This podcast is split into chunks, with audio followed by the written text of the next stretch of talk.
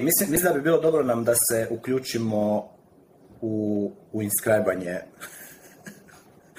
Satoshija na, na, na, na, na time chainu. E, jer mislim da mislim, prilično sam siguran da nekoga ima u grupi ko ima, ajmo reći, kreativno, onako, artistik e, tendencije ili ideje a isto tako znam za sigurno da u grupi ima više tehničkih ljudi koji su onako spretni sa, Bitcoin full nodom, sa command lineom i tako dalje. I i ono, i, ne bi to bilo loše. Ja znam, ono, imam jednu ovaj, kolegicu koja je ono full, baš je ono pravi artist, umjetnik i to je jako kvalitetan. mislim da ćemo napraviti isto jednu epizodu da ovaj da malo se ona predstavi i tako dalje. A ovaj i ona bi mogla napraviti jako jako onako visoku, visoku kvalitetu grafike i čega već, 3D modela, no, no, mislim, imaš tu prostor ti je kreativni velik, ali ja mislim da bi ono, najbolji način za te ordinals i inscriptions i za tu cijelu sada priču da ono skužiš šta se zapravo dešava je da, da, da krenemo s tim. Ali opet s druge strane razumijem da smo još uvijek u fazi e, možda još uvijek ima dovoljno skepse i, i ajmo reći e, različitih nivoa razumijevanja šta se zapravo dogodilo a dogodilo se na Bitcoinu nešto prilično veliko zapravo sad ako ono, mislim kogod je gledao, ako je bio aktivan eh, recimo u zadnjih godinu dana, na primjer, eh, i ako je onako imao relativno redovite interakcije sa Bitcoin mrežom, u smislu slanja i primanja transakcija, je mogao primijetiti da je mempool bio praktički prazan. Mislim, ono, jer vrlo rijetko kad bi bilo više od, ne znam, 5-6 blokova transakcija koje bi se htjele ono izmajnati i, i uglavnom si mogao za ono jedan satoshi po, po bajtu uh, e, vući praktički u sljedeći blok. Tako da, a sad se to promijenilo. Mempool je trenutno koliko? preko 300 megabajta velik i, ovaj, i, i ono, i, i neće stat i raste, znači, ali struktura toga punoga mempula je drugačija od one strukture koja je bila u prethodnom bull marketu, to je bio recimo onaj kraj 2020. i početak 2021. do proljeća 2021. E, kada je mempul isto tako bio pun, međutim e, format tih transakcija je bio drugačiji i bilo je, e, bilo je puno više bio je veći fee rate za, za u, u sljedeći blok, a sada je manji fee rate, ali je mempool krcat. Tako da Ordinals je promijenio dosta tu situaciju i ovaj i, i, mislim da ga treba ono uh, prigrlit.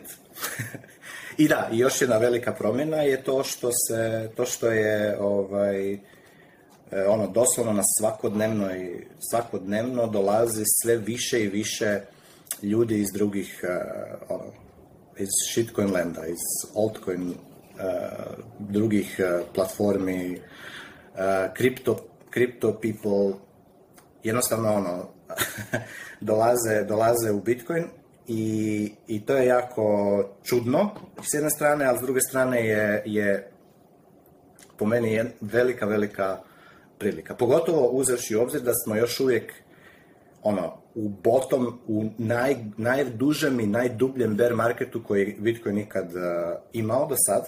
Znači, i još uvijek, iako sad mi koji smo stalno tu pratimo, vidimo da je od početka godine Bitcoin ono, otišao gore skoro, ne znam, 50%, bio je ono negdje bottom na oko 16.000 dolara, sad je negdje oko 23-24, koliko je već danas, kada snimamo, snimamo 16.2.2023.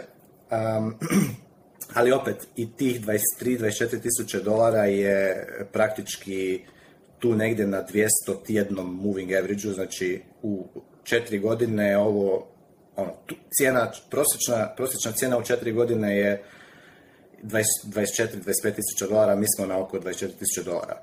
A to je ono,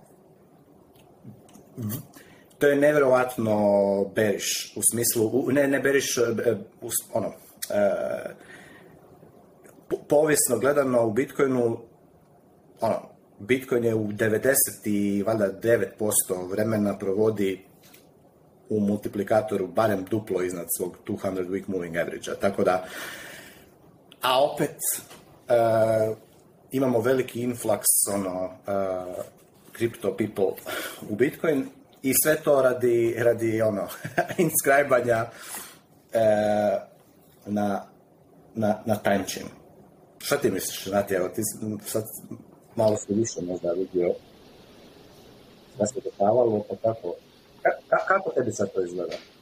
Ordinals Inscriptions. Da. E, ti si rekao nedavno da misliš da je to najveća stvar koja se dešava u Bitcoinu od block size ratova, E, nedavno sam slušao Odela i, i, i Casey-a kako pričaju o tome da Mempool više nikad neće biti prazan e, i to je vjerojatno moguće. Onda ima cijela kohorta e, kako bih rekao purista u Bitcoinu koji smatraju da je sve to napada Bitcoin, skem, laž, prevara, e, da je to loša stvar onako grčevito se bore protiv toga. Neki ljudi, evo poput tebe koji su hardcore bitcoineri, se tome raduju i misle da je to dobra stvar. Puno ljudi koji nisu u Bitcoinu ulaze u Bitcoin zbog toga. Uglavnom, uzbudljiva su vremena. E, ja vidim tu dosta potencijala. Ono, izrazit ću istu brigu koji e, koja, koja je najlogičnija meni, e, a to je možemo ući u detalje, a to je taj e, napad na fungibility potencijalni, koji znam da nije nužno nešto što će se realizirati, ali e, rekao bih da je to više kulturološki, sociološki problem dugoročno, da li će e, inskripcije postati više nego što sad jesu, jer za sad su samo bolja verzija NFT-eva koje smo imali na raznim shitcoinima prošlih godina pa zašto su bolja, zašto je majmun na Bitcoinu bolje nego majmun na Ethereumu. E, zato što za razliku od 99% NFT-eva na drugim chainovima, ovo je zaista zapisano na Bitcoin e, blockchainu, a nije hostano negdje drugdje da bi onda se plasiralo kao nekakav token. Dakle, istovremeno se svaka inskripcija e, ne znam, vjerojatno bi valjalo isto kratko objasniti što su inskripcije, što su ordinals, koja je razlika između te dvije stvari i zašto je sad to e, bitno, zašto je to uopće moguće. E, inskripcija je jedna matematička, to jest ordinals je jedna matematička ideja e, gdje se bilo šta može numerirati po redoslijedu. Znači, ordinalni brojevi su oni koji nešto uređuju. Kad ja kažem, e, da ne znam, top lista moje najdraže hrane i onda ću na prvo mjesto staviti nešto na drugo, na treće, ti brojevi su ordinalsi, za razliku od, brojeva koji se koriste za brojanje stvari, znači 1, 2, 3, nečeg što su cardinals. E, uglavnom, ideja je ovdje da je taj jedan developer i njegov tim ljudi, e, Casey Rodermore, pronašao lukav način koji je donekle arbitraran, ali donekle nije, da se individualni uh, satoshi, koji će ikad biti samo limitiran broj na Bitcoin uh, blockchainu, e, to je 2,1 kvadrilion, ja mislim koliko je to nula, ne znam ni ja, ali koliko god ih je puno, postoji limit, limitiran broj, nikad ih neće biti više, može ih biti samo manje jer će se s vremenom gubiti. I Casey je našao lukav način da ih poreda i kaže ovaj e, Satoshi je prvi, ovaj drugi, ovaj treći, ovaj 500 ti. E, onda je naš način da kaže ovo je prvi Satoshi koji se desio nakon što se e, desio block halving. E, ovo je prvi Satoshi u ovom bloku. Ovo je reward halving. Ovo je prvi Satoshi nakon difficulty adjustmenta. Moguće je pronaći e, tom metodom individualne E, Satoshija koji su unikatni na blockchainu e, i kroz vrijeme će imati određenu rijetkost, a onda kada ih je moguće tako, ajmo reći, poredat, e, zato što blockchain omogućava zapisivanje podataka koji nisu nužno dio transakcija, monetarnih transakcija, znači izmjene Satoshija sa jedne adrese na drugu, taj prostor za zapisivanje takozvanog metadata ili witness data u segregated witness uh, koji se desio prije nekog vremena, koji je omogućio da se originalan e, limit veličine bloka u Bitcoinu poveća sa 1 MB na 4 MB, no ne baš tako direktno, e, kako bih rekao, znači transakcije mogu uzeti 1 MB u svakom bloku, ali ukupan blok može imati 4 MB zato što se taj suplementarni e, dio podataka može zapisati na, na blok koji bi kao opisivao e, nekakve, nekakve sad elemente. To će Bitcoin programeri znati puno bolje i dublje od ovog što ja govorim, ali želim ja to isto objasniti što je više moguće laički. E, na kraju krajeva, svi znamo da u onom Genesis bloku, u prvom bloku koji postoji na, na na Bitcoin blockchainu je Satoshi zapisao eh, jednu poruku koja govori o onom naslovu eh, u britanskim novinama, eh, a to, eto, to nije dio transakcija. Želim reći, znači Bitcoin blockchain, svaki blockchain, ali ajmo reći i Bitcoin specifično, je samo način da se zapisuju određeni podaci koji će ostati kroz vrijeme sačuvani. E, Bitcoinova primarna svrha je da ti podaci su oni o monetarnim transakcijama. E, o monetarnim transakcijama Bitcoin novca na Bitcoin blockchainu. No, to nije sve i ne mora biti sve. I sada, ordinalski, kažem, način su za e, numerirati individualno tošije, a koristeći taj dodatan block space, moguće je zapisati arbitrarne dodatne e, podatke koji su do 4 MB veliki, jer to je nekakav tvrdi limit koliko blok može biti velik. I ako onda imamo kombinaciju mogućnosti zapisivanja dodatnih podataka na blockchain i numeriranja satoshija, ordinals su ta metoda zapisivanja e, numeriranja satoshija, a inskripcije su nešto što je taj isti tim nazvao dodavanje te meta podataka na te satošije. Znači ako je on numerirao ovaj satoši kao prvi u ovoj eri, koja god ona bila, moguće u taj metadata, meta podatke, suplementarni podaci, na, na, na, na u, svakom bloku dodati arbitrarne podatke. I sada, što to u praksi nama znači, da su ljudi e, vođeni nekim idejama od prije par godina e, jednostavno počeli stavljati eh, fajlove slika različitih.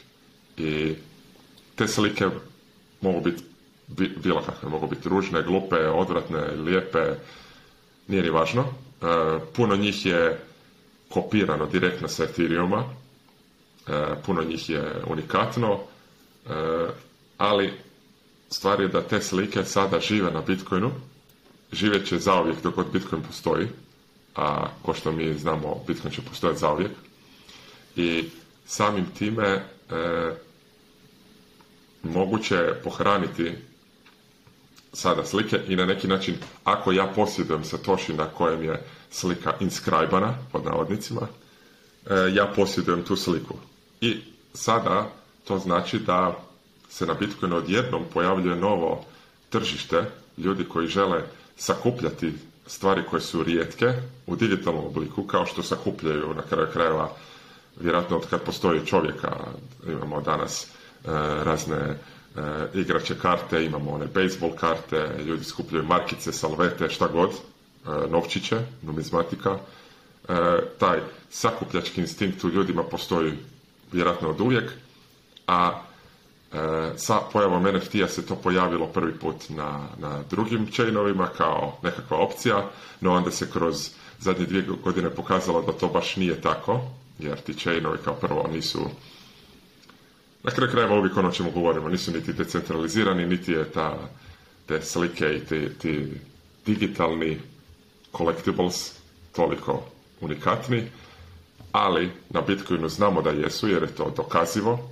i to je ta nekakva velika pompa i hype koji se sad trenutno dešava zadnjih nekoliko tjedana e, na Bitcoinu. Zašto je mempool pun? Zato što puno ljudi radi te inskripcije, puni memoriju e, mempola i svakog bloka raznim podacima koji nisu nužno transakcije, e, nego su evo u ovom trenutku većina ih je nekakve slike koje imaju do 4 MB veličine te slike je moguće vidjeti na, na, na puno mjesta. Ordinals.com je nekakva trenutno osnovna, osnovna stranica. Metoda za raditi te inskripcije je dostupna svakom, znači svatko ko želi može neku svoju inskripciju staviti na Bitcoin blockchain. No, ajmo reći da još postoji određeni e, tehničke prepreke i e, prepone koje čovjek mora preskočiti da bi to ostvario, ali prepostavimo sa rastućom popularnosti i hajpom toga da će se alati za jednostavno uploadanje e, ne znam ja, slika mog psa na Bitcoin blockchain postati vrlo lako i dostupne. A kako sad to sve e, funkcionira, zašto, svatko ne može baš utrpat šta god želi na blockchain, zato što je limitiran e, na kraju krajeva cijenom. da bi E, se mempool ili ti bilo koji blok e, zapisao neku transakciju koju ja želim poduzeti, uključujući inskripcije, ja moram platiti određenu e, cifru u Satoshima koja ovisi o tome koliko je velik dio bloka koji ja zauzimam. I o tome se radi. Još jedna stvar. Cijene Eh, tih fijeva ili cijene inskripcije i na ordinalsima i transakcija nisu unaprijed definirane. Kao sve na Bitcoinu, sve se definira kroz ponudu i potražnju, a eh, tko uopće uzima te fijeve, uzimaju mineri. Mineri, za što oni rade? Oni rade, eh, rješavaju određene kriptografske zagonetke, da budem sad onako generalan kako bi pronašli sljedeći blok Bitcoina, u tom bloku zapisali sve transakcije koje su u takozvanom mempulu e, i za nagradu dobili određenu količinu Bitcoina. S vremenom se ta nagrada za pronalazak novog bloka smanjuje, ali ono što, se, što je dio nagrade je također i e, sav onaj fee ili e, ta cijena E, samih transakcija koje korisnici plasiraju na blockchain. Dakle, to ubiru ti isti mineri koji pronalaze nove blokove. Kada je mempool ili broj transakcija koje još nisu zapisane na blockchain velik, tada se dešava e, organski se stvara nešto što se zove fee market ili tržište, ajmo reći cijena, gdje zato što je e, e, limitiran prostor na blockchainu, a postoji više transakcija nego što je moguće zapisati u sljedeći blok, ljudi koji su spremni platiti transakciju više će vjerojatno dobiti veći prioritet od strane minera da bi se njihova transakcija opisala na sljedeći blok. I samim time, kada je puno transakcija na čekanju, oni ljudi koji žele osigurati da se njihova transakcija desi brže će platiti više. I sada, to se isto dešava sa, trenutno sa inskripcijama sa ordinosima. E, zato, ko što je Pavao, ko što si rekao, e, i Mempool je puni, e, fijevi su skuplji, zato što se puno ljudi natječe za isti limitiran prostor. Neki ljudi se toga boje, smatraju da je to možda i loše, jer kao sad ću ja plaćati svoje transakcije puno više, ali s druge strane mineri e, će imati veći, veći incentiv da dugoročno osiguravaju tu istu mrežu e, tako što pronalaze, da pronalaze nove blokove zato što će se oni onda natjecati za više novca koje dolazi kroz te fijeve. Ljudi se onda boje, joj, i te inskripcije, jednostavno ih je toliko puno na, u Mempolu, pa ja nikad više neću moći napraviti transakciju monetarnu na Bitcoinu. Da, ako ne želiš platiti veći fi, nećeš. Ali, opet, trebamo staviti stvari u perspektivu. Fi je e, deriviran kao postotak ukupnog prostora koja tvoja transakcija uzima na bloku, na blockchainu. Ako ti stavljaš na e, blockchain sliku od 4 MB, a e, i recimo plaćaš ne znam ja, 10 satošija po bajtu, lako je to izračunati koliko je cijena onda e, te, te stavljanja te slike na, na blockchain, samo se pomnoži e, četiri sa, četiri megabajta, koliko je to, milion sa, e, sa deset, znači to bi bilo šta, skoro 40 miliona satošija, ja ako sad nisam baš fulo, što je znatan, znatan, znatan iznos, zato što jedan bitcoin sadrži 100 milijuna, znači to bi platili 0,4 bitcoina da ja stavim e, sliku e, oko 9600 dolara ekvivalent u, ovoj, evo. Da, ovaj znači recimo da ja želim onda platiti 10.000 dolara da sad to zakružim sliku u visokoj rezoluciji svog psa. Ja to mogu napraviti, majneri će mi rado uslužiti, ali s druge strane ti ako želiš napraviti transakciju gdje ćeš, ne znam ja, prebaciti 20 bitcoina s jedne adrese na drugu, ta transakcija je iznimno, iznimno, iznimno mala i ti ćeš jednostavno platiti 11 satošija po bajtu i ta transakcija će te koštati 50 centi Tako je. i ta transakcija će dobiti veći prioritet nego slika mog psa koja košta 10.000 dolara mene. Znači ako ja želim forsati sliku psa na blockchain, ja ću platiti 20.000 dolara zato što sam, eto, takav. I, I o tome se radi. Znači, dok god su ljudi voljni platiti više za isti prostor, dobit će taj prioritet.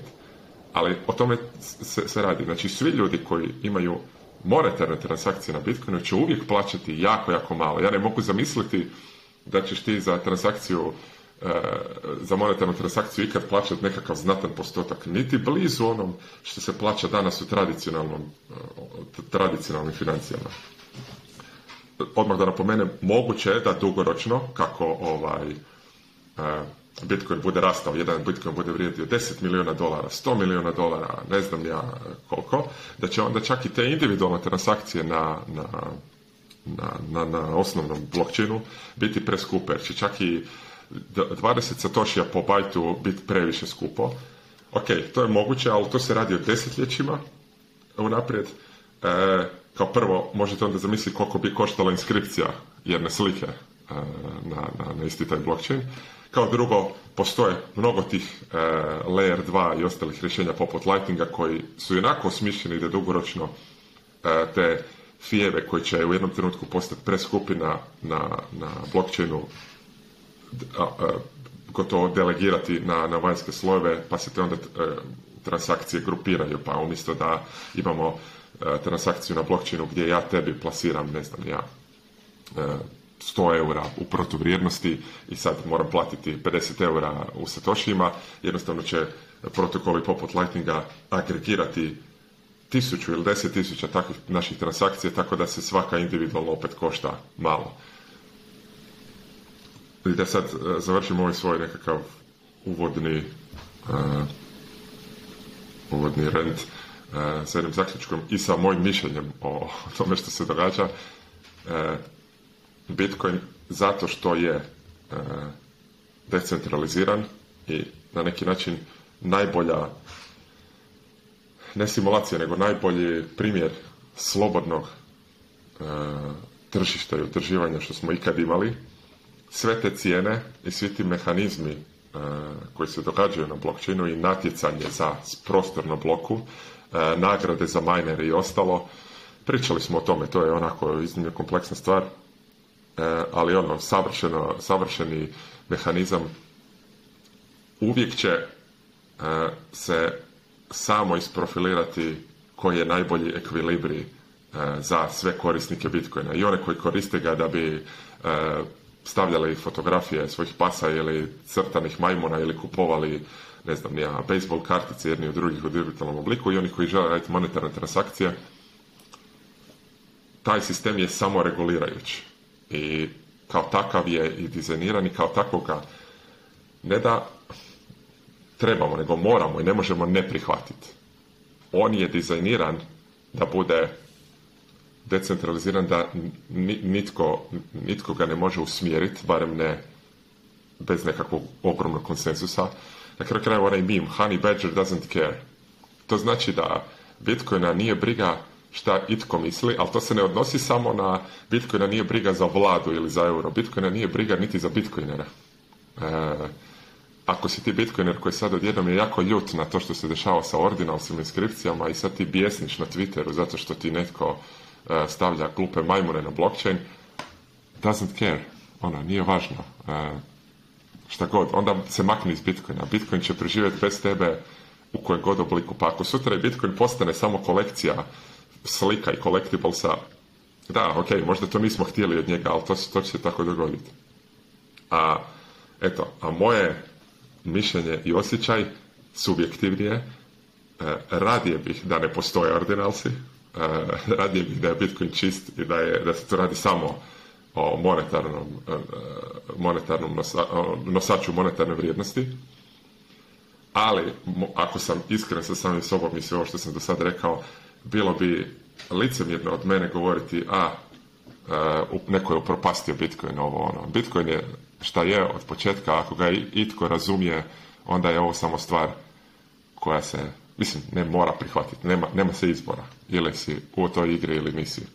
E, ali opet, objektivno, racionalno, ima pozitivnih, ima negativnih strana, ima potencijalnih strahova, ima puno potencijala e, za, za, za dobro.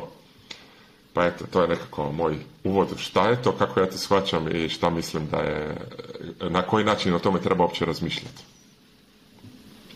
Živjeli. Odlično. Ovaj, Znaš šta, jučer, sinoć kad sam, ono, kad sam ti pričao prije nego što, sam počeo, što smo počeli snimat, e, sam bio na tom jednom Twitter spaceu i ovaj, bio je ovaj BTC Sessions i bilo je još par, par ljudi. A, I uglavnom imali su ono isto ono, concern, kao concern fungibility, pra, šta ako price outamo kao legitimne e, monetarne transakcije u, u Bitcoinu i tako dalje. I mi smo tu sada pacili par brojki, znači, evo, po današnjem, kažem, današnjem tečaju, 24.000 dolara, inscribat 4 MB sliku bi te koštalo oko 10.000 dolara.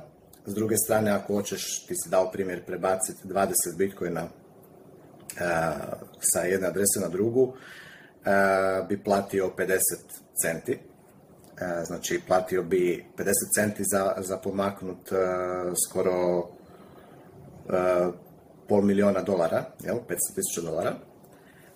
Ja bih samo htio još sada podsjetiti da, a to je opet ekonomski argument kojega sam isto tako sinoć na tom Twitter space-u podsjetio ljude, a dolazi iz novog grada, Bitcoin standard i fiat standard sada, i ovog nadolazećeg principles of economics, to je sljedeće.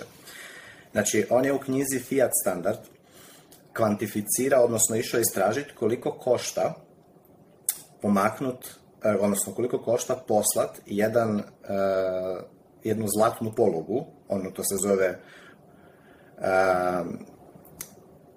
standard good delivery gold bar, 400 troje ounces, odnosno 12,5 kilograma Eh, je to ta, eh, ta zlatna poluga.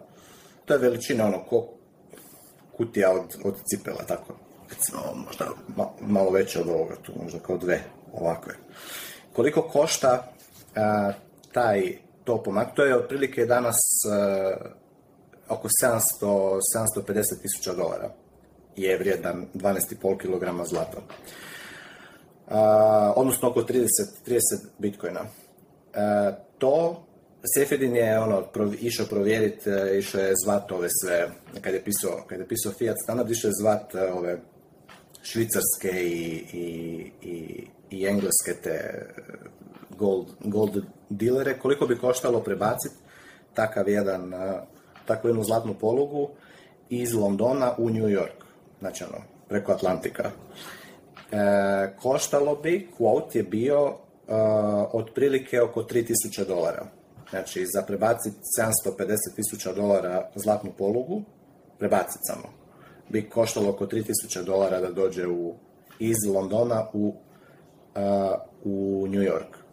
30 bitcoina prebaciti iz Londona u New York uh, bi koštalo sada, trenutno, u trenutnom mempulu,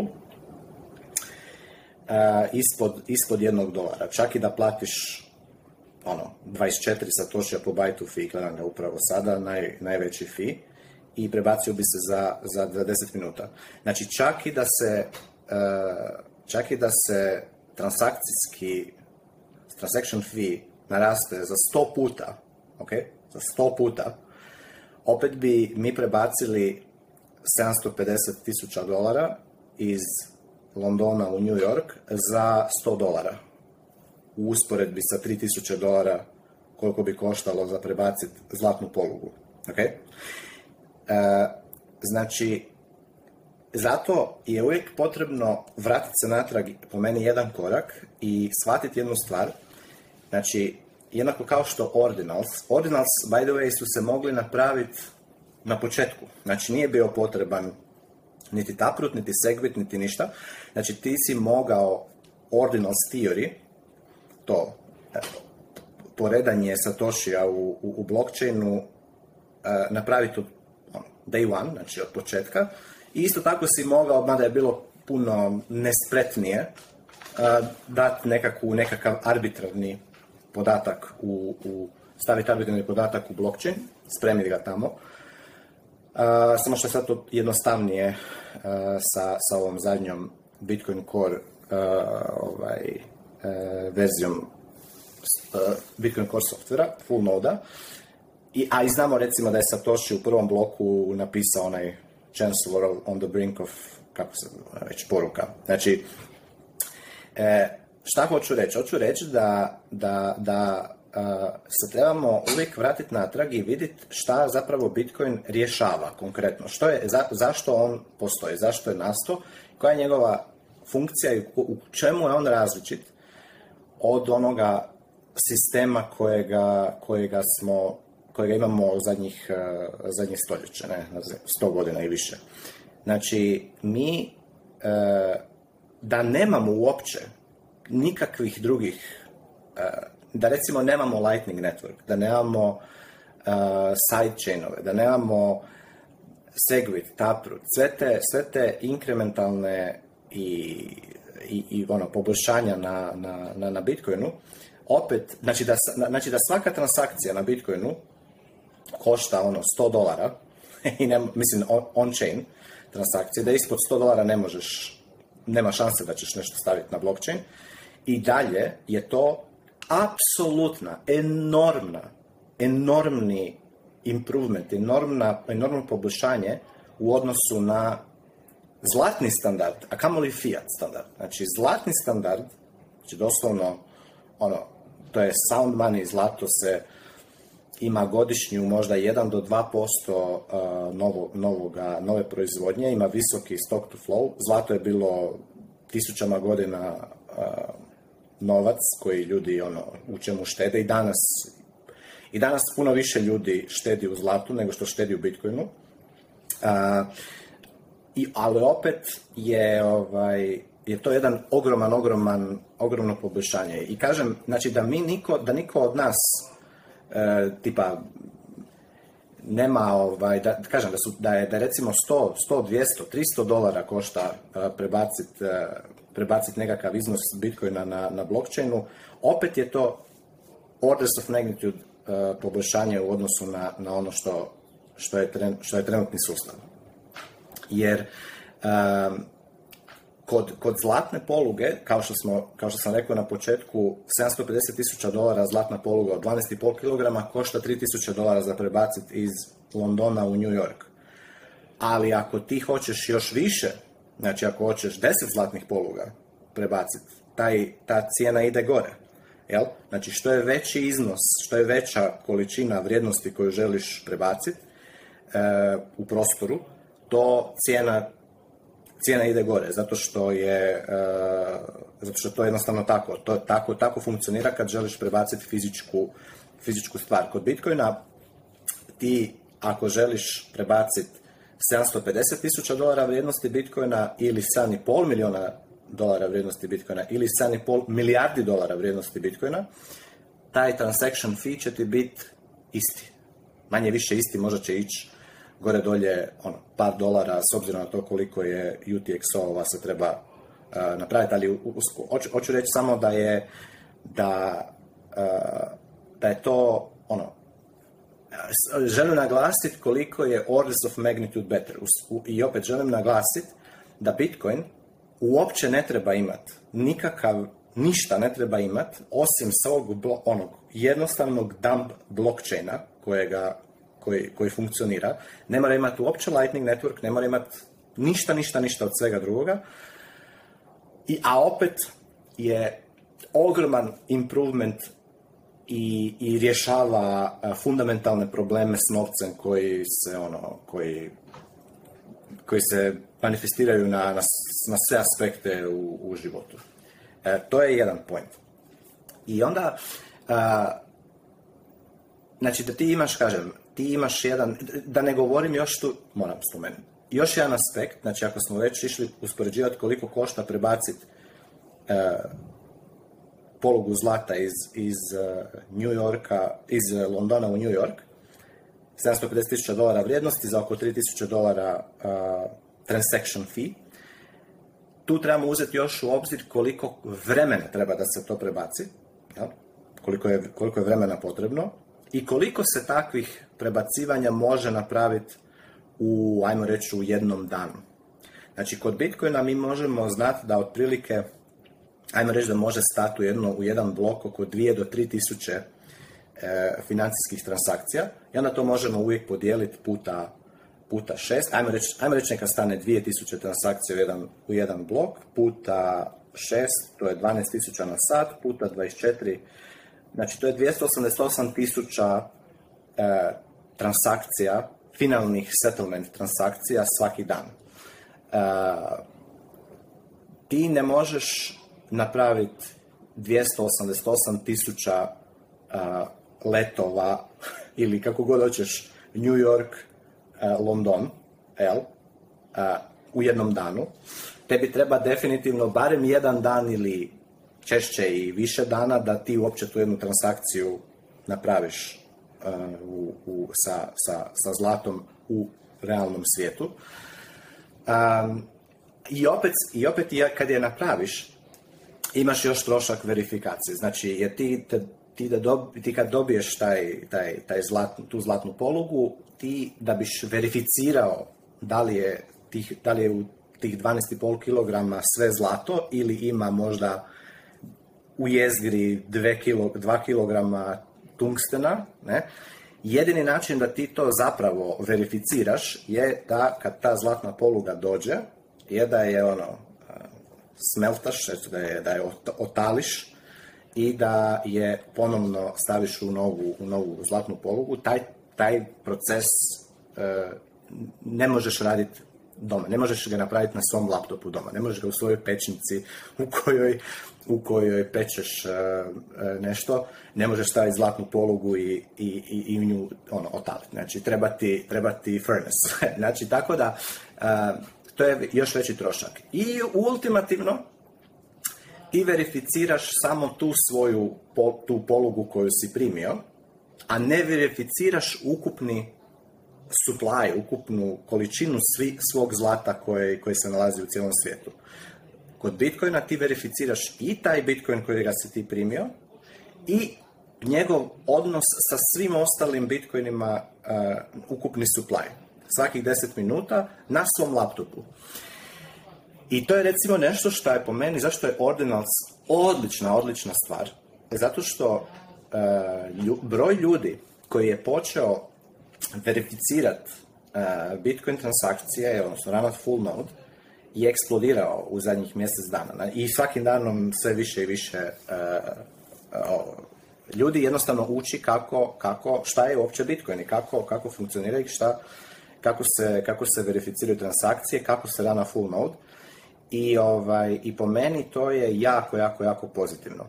E, spomenuo si, jedan concern koji, koji sam isto čuo, a to je oko fungibility, oko, ne znam kako se to prevodi na hrvatski. Šta je fungibility? Izmjenjivost. Izmjenjivost. Ne, daj, reci, daj malo mi reci kako taj concern, kako, kako ga ti vidiš? Šta bi recimo bio potencijalni concern oko toga?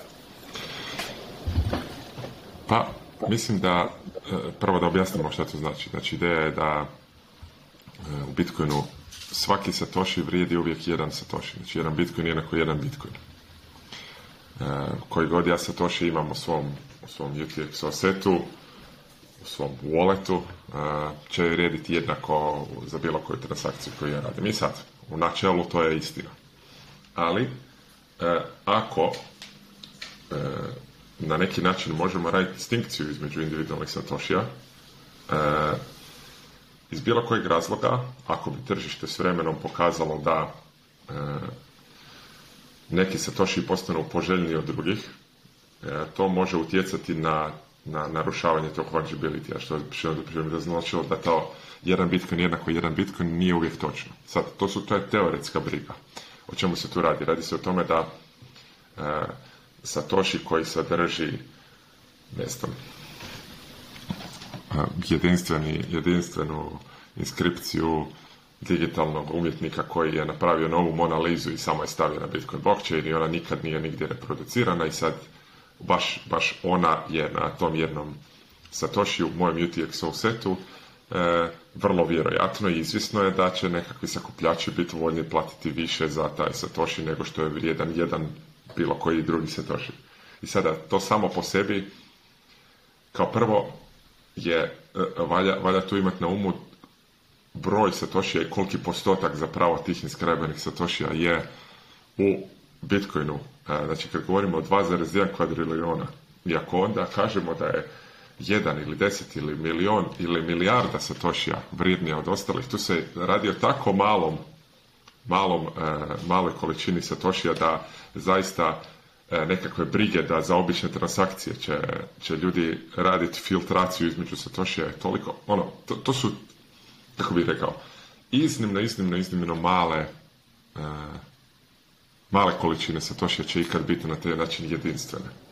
Da, sad standardno, samo da kažem, sad standardno kada ljudi inskrajbaju uh, satoši, E, rade UTXO od 10.000 satošija čisto da im ostane za, za, za, za fijeve, jel li to. Tako da jedan od tih 10.000 ima na sebi inskrajbanje sa nekom slikom, 10.000 satošija, to je e, ne znam koliko, pol dolara ili koliko već. Dobro. Manje.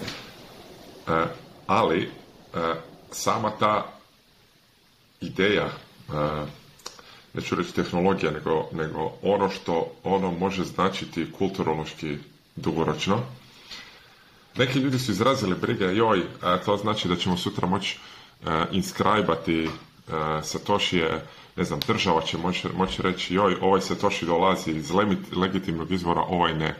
E, znači, ne znam, ovaj Satoši je iz po ovim pravilima kroz eh, solarnu i vjetar eh, energiju, a nije izmajnan na, na prljavo negdje, ne znam ja, u, Pakistanu, pa samim time vrijedi više.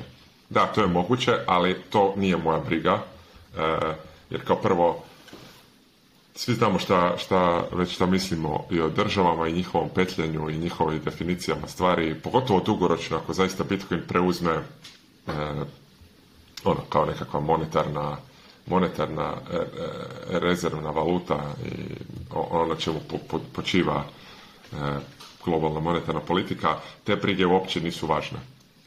Radi se samo tu o pitanju koliko će ideja inskripcija preuzeti ono, preuzeti društvo i kulturu i ako je moguće raditi Ordinals na način na koji je to Casey Rodermore napravio, e, što mene sprječava da ja uzmem njegovu ideju i da ja e, stavljam ono, e, ja drugčije numeriram Satoshija i moji ordinalsi su drugčiji. Sad, to je opet nepredvidivo i to je vjerojatno nerealan strah za sada, ali mislim da je valja o tome razmišljati dugoročno. Možda će biti tisuću različitih ordinalsa i svaki od njih će imati svoje inskripcije i samim time se onda broj tih istih satošija kako bi rekao, samo individualno trenutno Ordinals Inscriptions, koji sad postoje ordinals.com, nije moja specifična briga jer nikad neće moći toliko puno ih biti. Ali ako sutra, kako bi se rekao, svaka šuša napravi svoj ordinals i svoje inskripcije, možda dugoročno će taj limitiran broj satošija postati, ali opet, da, evo, evo, to je nekako, znači, zato što postoji ta tehnologija ideja, jednom, znači ono, prva kap u, u, u čaši, e, ili kap koja je prela čašu, kako već ide ona izreka, e, zašto ne bi od sutra svatko napravio svoju verziju ordinalsa i svoju verziju inskripcija i onda e, taj jednostavno collectibles market tržište, tih zakupljačko tržište e, udari do limita koji postoji na, u samom Bitcoinu i e, kulturološki individualno se toši i postanu postane bitnije šta oni nose sa sobom nego njihova monetarna vrijednost. A to je briga koja se može realizirati tek kroz nekoliko desetljeća. Ne vjerujem da je to nešto o čemu bi trebalo biti danas, sutra, ali eto, to je moja fungibility briga. Ne nužno, uh, joj, ljudi, onda, onda kao neki ljudi brinu, joj, šta ako neko stavlja dječju pornografiju na blockchain? Da, ok, to je, to, to nije, nije, baš, uh, kako bi rekao, uh, moralno pozitivna stvar, ali ultimativno opet moramo prihvatiti. Bitcoin je, Bitcoina nije briga, Bitcoin je slobodan za svakog, i za korištenje svakog. Svatko kao prvo može može sudjelovati u ordinals priči ili ne mora. Ja mogu koristiti Bitcoin i nikad vidjeti niti jedan e, niti jednu inskripciju, zato su potrebni posebni browser, viewer i ostalo. E, vjerojatno će se e, početi raditi različite verzije i forkovi nodova, Bitcoin e, korova, koji će, jedan će biti, znači ono, jedan koji ne sluša, ne gleda što su inskripcije, ne gleda taj witness data, drugi koji je full node. E, vidim kako se u budućnosti Bitcoin i način korištenja Bitcoina razgranava, što je sve super jako dobra stvar, ali potencijalno narušava osnovnu propoziciju da je jedan Bitcoin jednako jedan Bitcoin. E, a vidiš, ja sad samo da kažem vezano, ja mislim da baš e, ne narušava, zato što ti na kraju Znači ta fungibilnost, odnosno e, izmjenjivost i recimo concern e, da šta ako previše ljudi sa tošije i onda ih, ajmo reći, painta na neki način. Ali poanta je da i dalje oni moraju držati Satoshi, oni dalje drže Bitcoin, oni dalje apliciraju monetarnu premiju na Bitcoin. I ako idemo, ako recimo, zamisli sad ovo, zamisli da u nekom ekstremu, iako ekonomski je fantastično meni zamisli da bude više od, ne znam, 10-20%, to je već isto insane broj, 2 milijuna BTC-a, 2 milijuna puta, 50, e, puta 100 milijuna Satoshija uh, da je inskrajbano, E, ne mogu uopće zamisliti e, matematiku ekonomsku toga, ali ajmo reći neka inskrajbano, ajmo reći neka inskrajbano 20 milijuna, 20 e, milijuna bitcoina.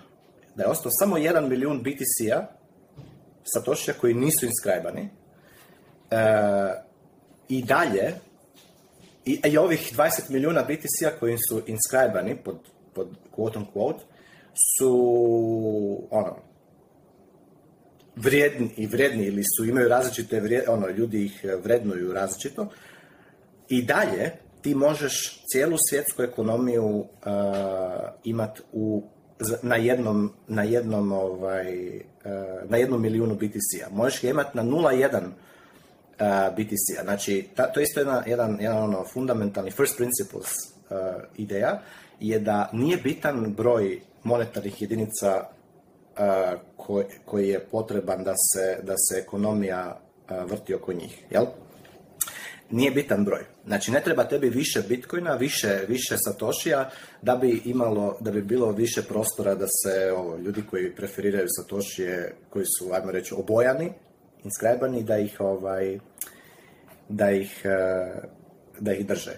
To je jedna stvar. A druga stvar, ovaj to je drugi, drugi concern oko fungibility, je to da e, šta ako e, država kaže, e, ovaj Satoshi koji je inskrajban sa ovim tu, on je blacklistan. To je ono što, je sada drža, što sada države imaju. Znači države sada imaju blacklistanu uh, ono, nekakve UTXO-ove u Bitcoinu iz Irana, iz Sjeverne Koreje, iz e, Rusije i raznih drugih država koje su pod sankcijama e, Zapada. I ovaj, kako sad to, kako sad ti bitcoini su ono, oni su beskorisni. E pa nisu, jer onda opet tu treba razumjeti e, ekonomski incentive game theory u miningu, gdje ti zapravo ako imaš tainted bitcoin, imaš crni Bitcoin, imaš prljavi Bitcoin, nemaš čisti, clean, white market Bitcoin, sankci, ono, blagoslovljen od strane ovaj, e, države, e, ti e, zapravo ako želiš taj UTXO e, pomaknuti, ako ga želiš izmajnat, da, tebi, će, tebi ga recimo možda neće htjeti izmajnat neki mining pool koji je visoko reguliran, koji je ovaj, tako Ha, viži obali potar slično. U, veće. je za trecku. Da, da, vidjelo se. Kod mene ništa. Tebe, tebe ništa. Tu je dobro za, za treslo. Evo sad. Evo je sad i ovdje.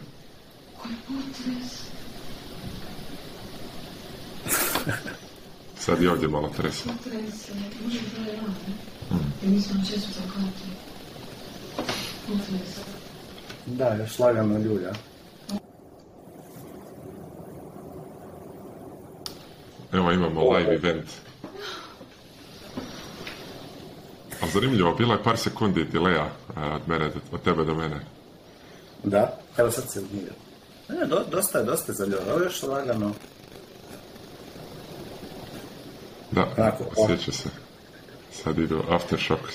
ovo je bilo, vidiš, u Turskoj, ono, baš je ape shit. Da, Crazy World, Crazy World je sad. Ono. Ali da, htio sam reći da, da, znači ono, kad imaš te, imaš, e, recimo imaš nešto što država kao ne bi htjela da se, da se, da se radi neka transakcija, uh, postoji ekonomski incentiv, odnosno ekonomska motivacija ljudi koji žele tu transakciju napraviti na Bitcoinu da podignu svoj transaction fee i da se da motiviraju nekog, nekog minera da tu da konstruira taj blok sa, sa tom transakcijom. I čak se to može raditi mimo, ajmo reći, public mempula. Jer ono što smo recimo vidjeli sa ovom 4 megabajta blokom koji se inscribao na, na, na, na Bitcoinovom on je bio, um, on je bio ovaj, e, skroz van uh, e, mempula. On, biti, on je imao nula, nula po bajtu fee i njega je ovaj Luxor mining pool preuzeo, jednostavno je konstruirao blok samo sa tom, mislim, ima još nešto malo drugih, drugih transakcija, ali praktički 4 megabajta je napunio blok i ovaj, ga je sam. Kako, koliko su mu to, kakva se tu u pozadini e, transakcija napravila za, za, za platiti taj, taj, taj mining fee, to ne znamo, ali znamo da game theoretically znamo da se da zapravo fungibilnost, odnosno raz, izmjenjivost e, Bitcoina je uh, riješena već sa ekonomskom, ekonomskim incentivom. A sad recimo, ajmo reći, tehničkim sa tehničke strane. Isto tako, kako više ljudi u Bitcoinu, mislim kako se razvijaju ovi second layer lightning i sad će još, sam kad se razvijaju ove e, e, tehnologije, tako će se ovaj, fungibilnost još više, još će lakše i lakše biti napraviti tako da teže trejsaš e, E, svoje monetarne, satošije koje koristiš za monetarnu, za monetarnu use case, a ovaj concern isto šta ako neko inscriba neku ilegalnu, stvarno ono lošu, lošu stvar, nemoralnu stvar na, na, na Bitcoin. Znači, prva stvar, on ga inscriba na, na blockchain sam. Znači, to ostane tu forever. Ta transakcija se svaki 10 minuta ponovno konfirma. Tako da, jako, čovjek ima jako veliki rizik e, ukoliko tako nešto napravi, e, zato što ipak je, ipak e, Bitcoin on-chain, sam taj public blockchain, je, on, je, on je anoniman, odnosno pseudo-anoniman, ali isto tako se može, ako ti želiš, možete neko ići tražiti da vidi, ono, to se zove on-chain analysis i ti možeš određenim heuristikama eh, pronaći možda, zavisi koliko se dobro ovaj, ajmo reći, pokuša anonimizirati, taj koji je to napravio, ali opet vidjeli smo iz iskustva, eh, to sam spominjao u prošlom, prošloj epizodi, recimo onaj Bitfinex hack, da su ga na kraju ipak našli. Našli su i, i, i sve to što, kad god postoji eh, visoka motivacija da se ovaj pronađe neko ko je napravio neko neko stvarno lošu stvar na, na, na Bitcoinu, na, na, na blockchainu samom. mislim da je, da je tu, ako je ta motivacija dovoljno visoka, da će se moć naći uh, ko je to napravio i da zbog toga postoji jedan jako veliki ono, deterrence na neki način da se stvari koje nisu košer stave, stavljaju na, na, blockchain. I mislim da neko ko to ide raditi je ono potpuno lud. mislim da mora ono imati jako ne znam, twisted i misunderstanding veliki Bitcoina da, da, ide, praktički ostavljati permanentni ono trag na, na blockchainu a nešto je napravio zašto jako puno ljudi e, kaže da to ono, nije, nije dobro. Tako da, ne znam, mislim da to su ono koncernovi, i da, još je isto taj koncern što ako još više ljudi počne raditi svoje ordinals theory, jer ordinals je zapravo samo jedan ono proizvoljni, ajmo reći, način kako ti gledaš na, na, na Bitcoinov blockchain, jel, znači, mogu je biti bilo kakav drugačiji sistem Eh, orderinga eh, Satoshija u, u blockchainu. Pa mislim ovako, eh, to neko može napraviti. Mislim da već čak, čak i neko je napravio da kao, jer ovaj, od Casey ima first in, first out. First, prvi satoshi u inputu, ima prvi satoshi u outputu, pa je neko rekao, ja ću napraviti first in, last out. Kao.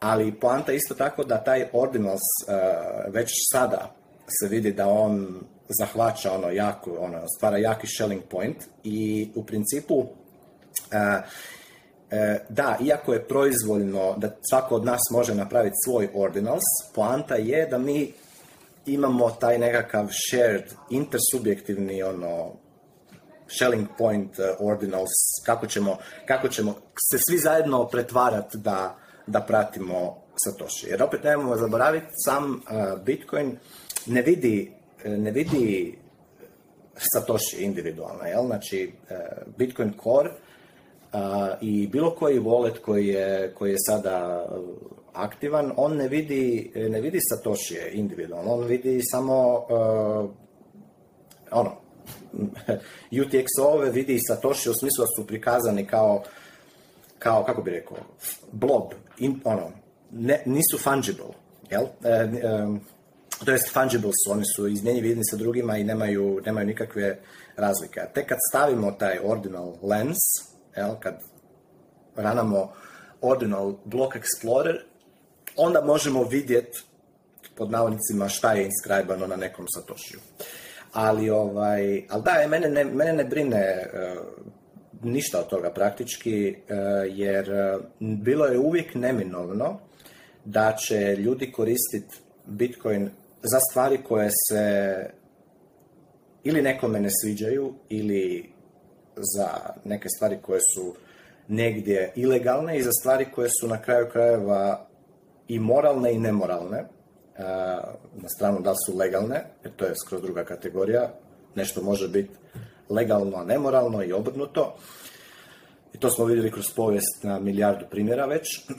Tako da e, Bitcoin je ono neutralna, neutralna tehnologija koja je happens to be po našem nekakvom uvjerenju tehnologija koja najbolje vrši funkciju novca. I opet ne treba zaboraviti da mi možemo koristiti bilo šta kao novac. Znači, novac je medij razmjene, tim svako od nas može koristiti bilo koju stvar kao medij razmjene. Znači, to što neke stvari su bolji medi razmjene nego druge, to je drugi par rukava. I ako neko inzistira da koristi, ne znam, e, bakar kao novac, neko, možda imaš ljude koji recimo štede, skupljaju bakrene, bakrene novčiće ili šta god. I oni štede u tome. I nema nik, ono, da, da više sad ljudi na jednom krene štediti u bakru, E, sve što bi se dogodilo da bi oni tu svoju štednju, tu monetarnu premiju, taj, tu, taj, tu potražnju koju stavljaju na, na bakar, koju podižu na tržištu bakra, bi, ovaj, bi potaknuli proizvođače bakra da proizvedu više i oni bi im konstantno devaluirali njihovu, njihovu štednju. Tako da, tako da na svakom od nas individualno je da izabere u čemu će, šta će koristiti kao svoj medij razmjer, šta će koristiti kao svoj novac.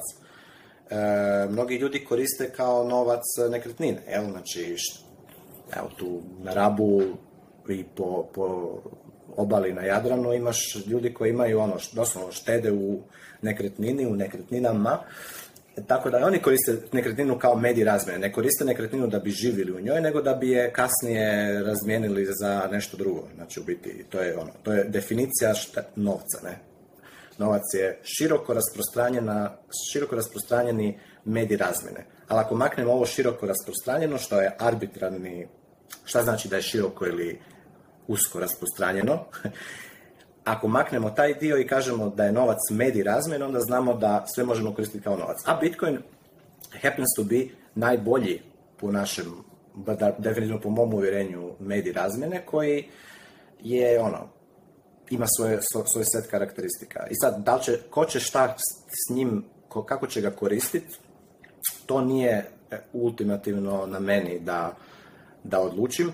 E, e, mislim da u jednom trenutku na ovi ekipa Bitcoinera stvarno koja je koja sad radi, koja koristi taj, e, na neki način e, ono da kao taj virtue signaling, kao oni su ono čisti purists, e, onaj Francis Pulio i ne znam, ovi ima ih par koji ono su e, koji sad oni su ono kao moralne vertikale, naš ono kao sad e, e,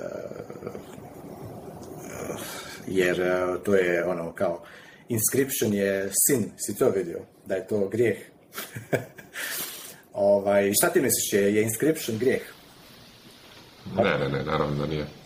Sad dok si pričao mi je palo nešto na pamet e, od tog Zapravo prva, prva ideja mi je bila, znači pričao si kao da uvijek možeš, e, kako bi rekao, e, mislim da ti je prvi dio argumenta bio ne da, ne da ovaj, fungibility nužno nije ugrožen, nego da čak i ako je ugrožen, da to nije veliki problem, da, da se uvijek to može zaobići kroz ekonomske incentive što je točno, jer ono, ako ja imam prljave, e, prljave bitcoine, to ne znači da ih ja ne mogu upotrijebiti, nego će možda samo biti skuplje e, napraviti transakciju s njima. Na kraju krajeva to, to možemo usporediti sa zlatom i sa zlatnim novčićima koji ima facu ovog kralja ili onog kralja, pa će u određenom kraljevstvu više vrijediti onaj koji ima inskripciju lica e, ovog kralja, a ne onog drugog. E, su ili Točno, da.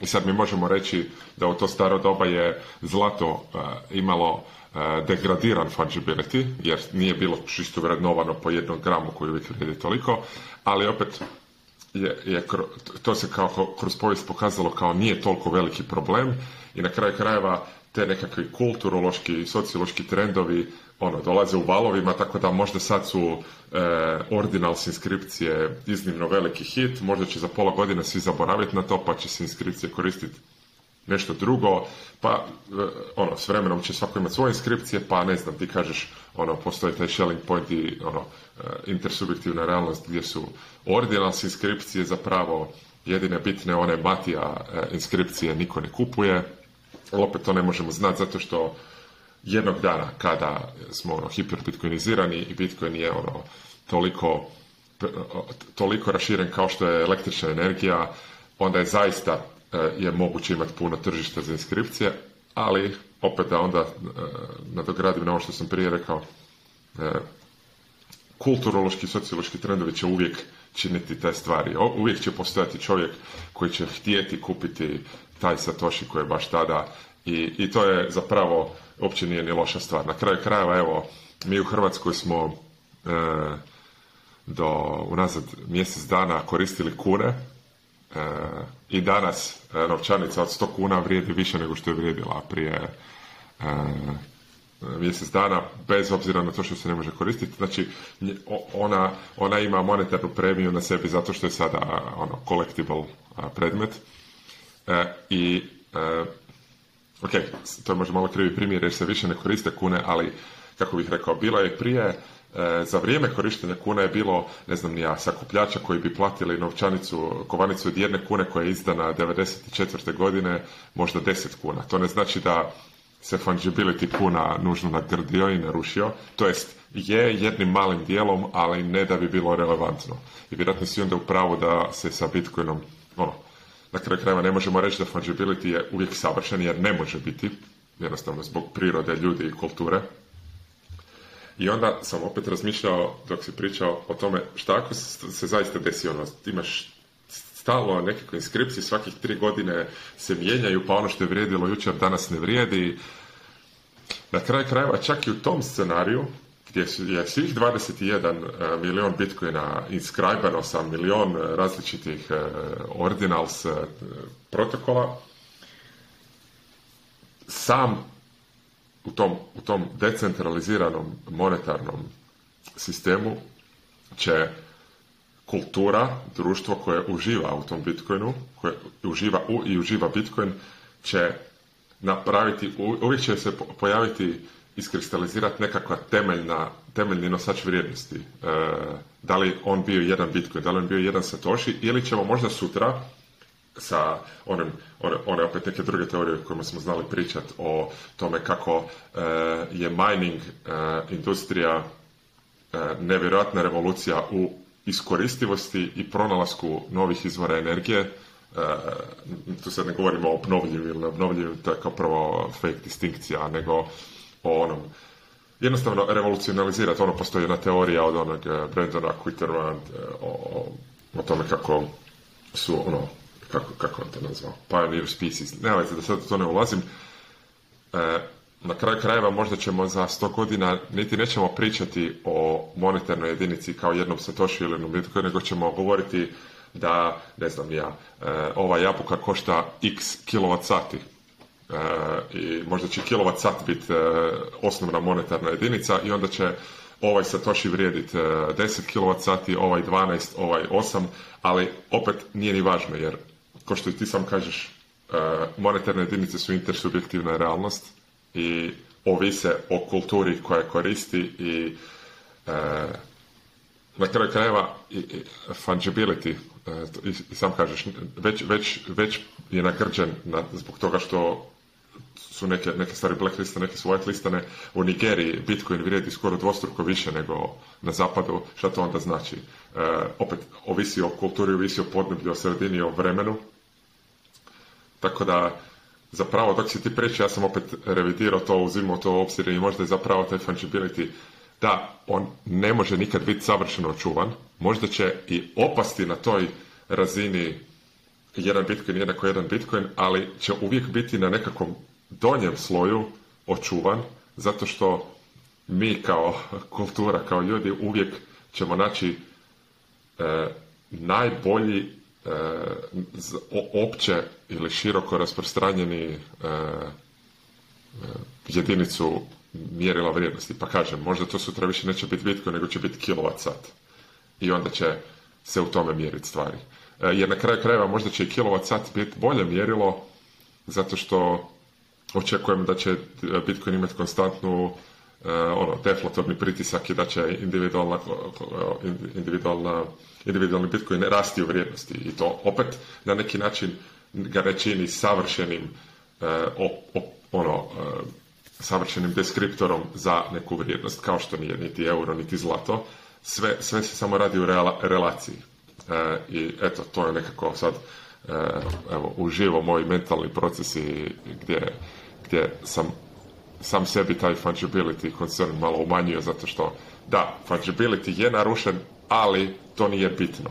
Evo, tako nekako bi možda da. Eh, plasirao. E, znači ono, kad opet gledamo ono first principles, općenito eh, moramo isto, to je isto jedna e, ekonomska kategorija, ono, ne kažem ja sam uronjen već zadnje dve i pol godine u svaka, svaki tjedan dva, dva seminara od dva sata sa Sejfedinom i sa tim njegovim, čitam te njegove knjige, misli, te ekonomiste, tako da mi je ovo ovdje ono, fora, za, fora odgovoriti recimo na neki...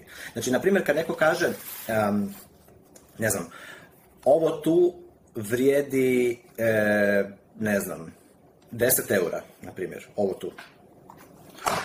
A moramo isto shvatiti da kad kažemo tako nešto ili vrijedi, ne znam, 200.000 e, tisuća satošija, kad kažemo takvu jednu izjavu, to ne znači da ovo tu, znači da sama ova stvar, ovo tu, ova je futrola za, za, za kemijske. To ne znači da ta sama stvar u samoj sebi, inherentno, ima 20, 10 eura ili 200 tisuća satošija vrijednost u objektivnom smislu, da ovaj objekt toliko vrijedi, e, jer vrijednost nije objektivna, vrijednost je subjektivna, nego to znači da ako sam ja ovo kupio za 10 eura, ako je neki proizvođač, odnosno prodavač stavio cijenu 10 eura za ovu stvar, a ja sam je kupio, ja sam platio, dao sam 10 eura i uzeo ovu stvar za uzvrat, ja sam signalizirao da za mene ovo vrijedi više od 10 eura, a prodavač je signalizirao da za njega ovo vrijedi manje od 10 eura. Okay? Znači, mi nismo ništa rekli koliko ovo samo po sebi vrijedi, jer mi ne možemo vrednovati stvar, nema inherentno u sebi, što kažu, intrinzičnu vrijednost, intrinzično, objektivno se ne može staviti vrijednost na stvar, nego ljudi vrednuju stvar na način da kažu za mene je ovo više vrijedi od ovoga što, što ti imaš. I zbog toga, kad kažemo da li mu nešto može biti da li Bitcoin može biti perfektni deskriptor vrijednosti, da li nam Bitcoin može reći da li je Bitcoin mjera, ovo ovdje vrijedi 200.000 satošija, i to je ono što, koliko to u objektivnom smislu vrijedi ovaj objekt. Ne, Bitcoin je samo, Bitcoin ima konstantnu promjenu kupovne moći i promjenu intersubjektivne vrijednosti u percepciji svih drugih, kao što i ovo tu ima. Sve, sve su stvari u konstantnoj promjeni. Ono što mi imamo, znači zašto je novac, zašto je novac uh, nama uopće potreban? Zato što i nam je, zato što recimo usporediti da li nam je recimo, e, evo, da li je vrijednija ova stvar, sad ću ti pokazati, da li je vrijednije ovo ovdje, eksterni disk, ili ovo tu, šta je vrijednije od ovoga, od ovo dvoje? A, e, jel možeš reći da je vrijednije ono što ima veću tržišnu cijenu? Možeš, ali opet, recimo, može ti biti situacija da, na primjer, e, u, konkretnoj, razmeni neko može vrednovat ovo više nego ovo tu, bez obzira što ovo tu u tržišnom smislu na ukupnom tržištu vrijedi e, više, ima veću cijenu. Ovo ima cijenu, ja mislim, nekakvih 200 150, možda 200 eura, a ovo ovdje ima cijenu možda 20 eura. Ali to ne znači da, ne, da recimo u nekoj, u nekoj razmeni direktnoj ne, neko ne bi vrednovao ovo tu više od ovoga tu. Znači, vrijednost je subjektivna i, i, e, i vrijednost kao subjektivna se konstantno mijenja. A nama novac služi da bi samo da bi kao da bi, da bi mogli napraviti to, to vrednovanje za individualno za mene. Za mene vrijedi ovo više od toga iznosa ili vrijedi manje od toga iznosa. Ako vrijedi više od iznosa, ja ću to kupiti, ja ću platiti. Odvojit ću se od novca i platit ću. A ako vrijedi manje, onda neću. Znači, e, i to se zove zapravo da je vrijednost ordinal, doslovno ima u principu of Economics of Sefirina, ima jedan chapter gdje govori o kardinalnom vrednovanju i ordinalnom vrednovanju. Postoje neke stvari koje se uopće ne mogu kardinalno vrednovati. Naprimjer, ako imaš e, ne znam, recimo, koliko je vrijednost tvoje obitelji, koliko je vrijednost, ne znam, e, mame, ili koliko je vrijednost e, tvog djeteta, koliko je njegova, koliko on košta. Ne, on ne, uopće ne spada u kategoriju kardinal e, vrijednosti. Ne možeš staviti cijenu na to. Ne? Znači, nego možeš samo reći da vrijedi više od nečeg drugog, usporedno. Ne znam, kako, ne znam da li to dobro objašnjava, treba bi se opet malo ići uh, e, ovaj, refreshat taj e, lingo od ekonomski, ali poanta je da, da Satoshi, recimo, evo, bit će sada u halvingu 2024. će prvi blok u halvingu 2024. I, i, i masa ovih Ordinals ekipe će, će htjet, će nekako doći do toga Satoshija koji je ono prvi, prvi Satoshi u, tom bloku. Jer to, to će biti jedan od četiri do sada um, Satoshija, ne? Super rijedak Satoshi. I definitivno će neko platit za ono UTXO koji ima 10.000 satoshija, u kojem se jedan od njih je prvi u bloku, po tom arbitrarnom sistemu kojega zovemo trenutno Ordinal Theory, koji je napravio Casey Rodermore, neko će platit, e, ko zna, 10, 10 e, bitcoina, ono, milijardu, milijardu satoshija da da, da uzme 10.000 e, satoshija koji, gdje se nalazi jedan taj special one.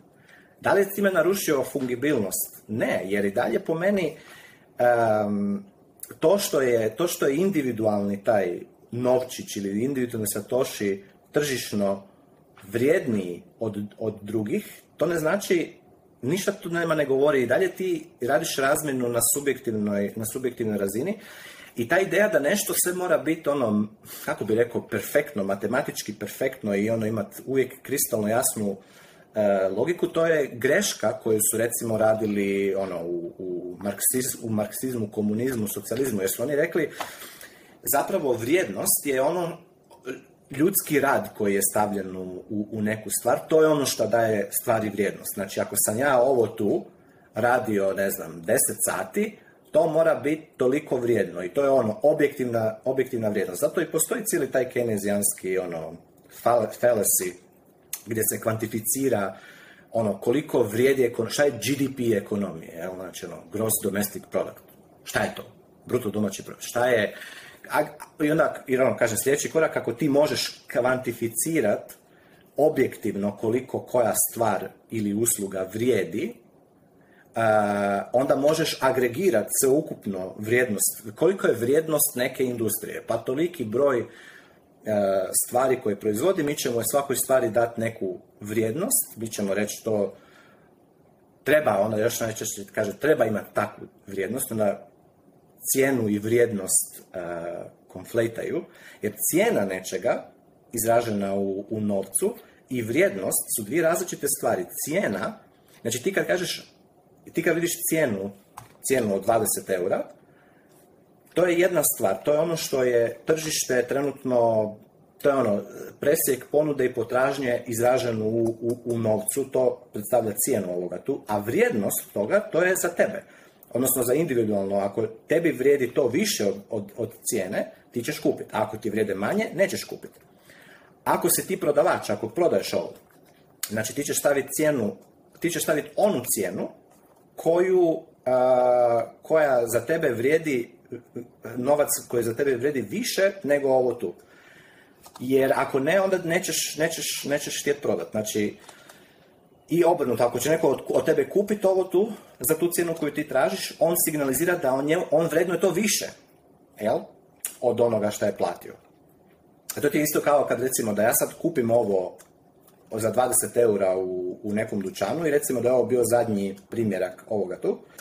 I recimo ja sad to imam 20, ono, platio sam 20 eura. I super mi je stvar, ono, koristim. I sad recimo da dođe neko i kaže, ovako kako super, vidi kako super futrola, ja bi je htio, ono, di si to kupio? A govorim, da, to sam tamo, tamo i tamo.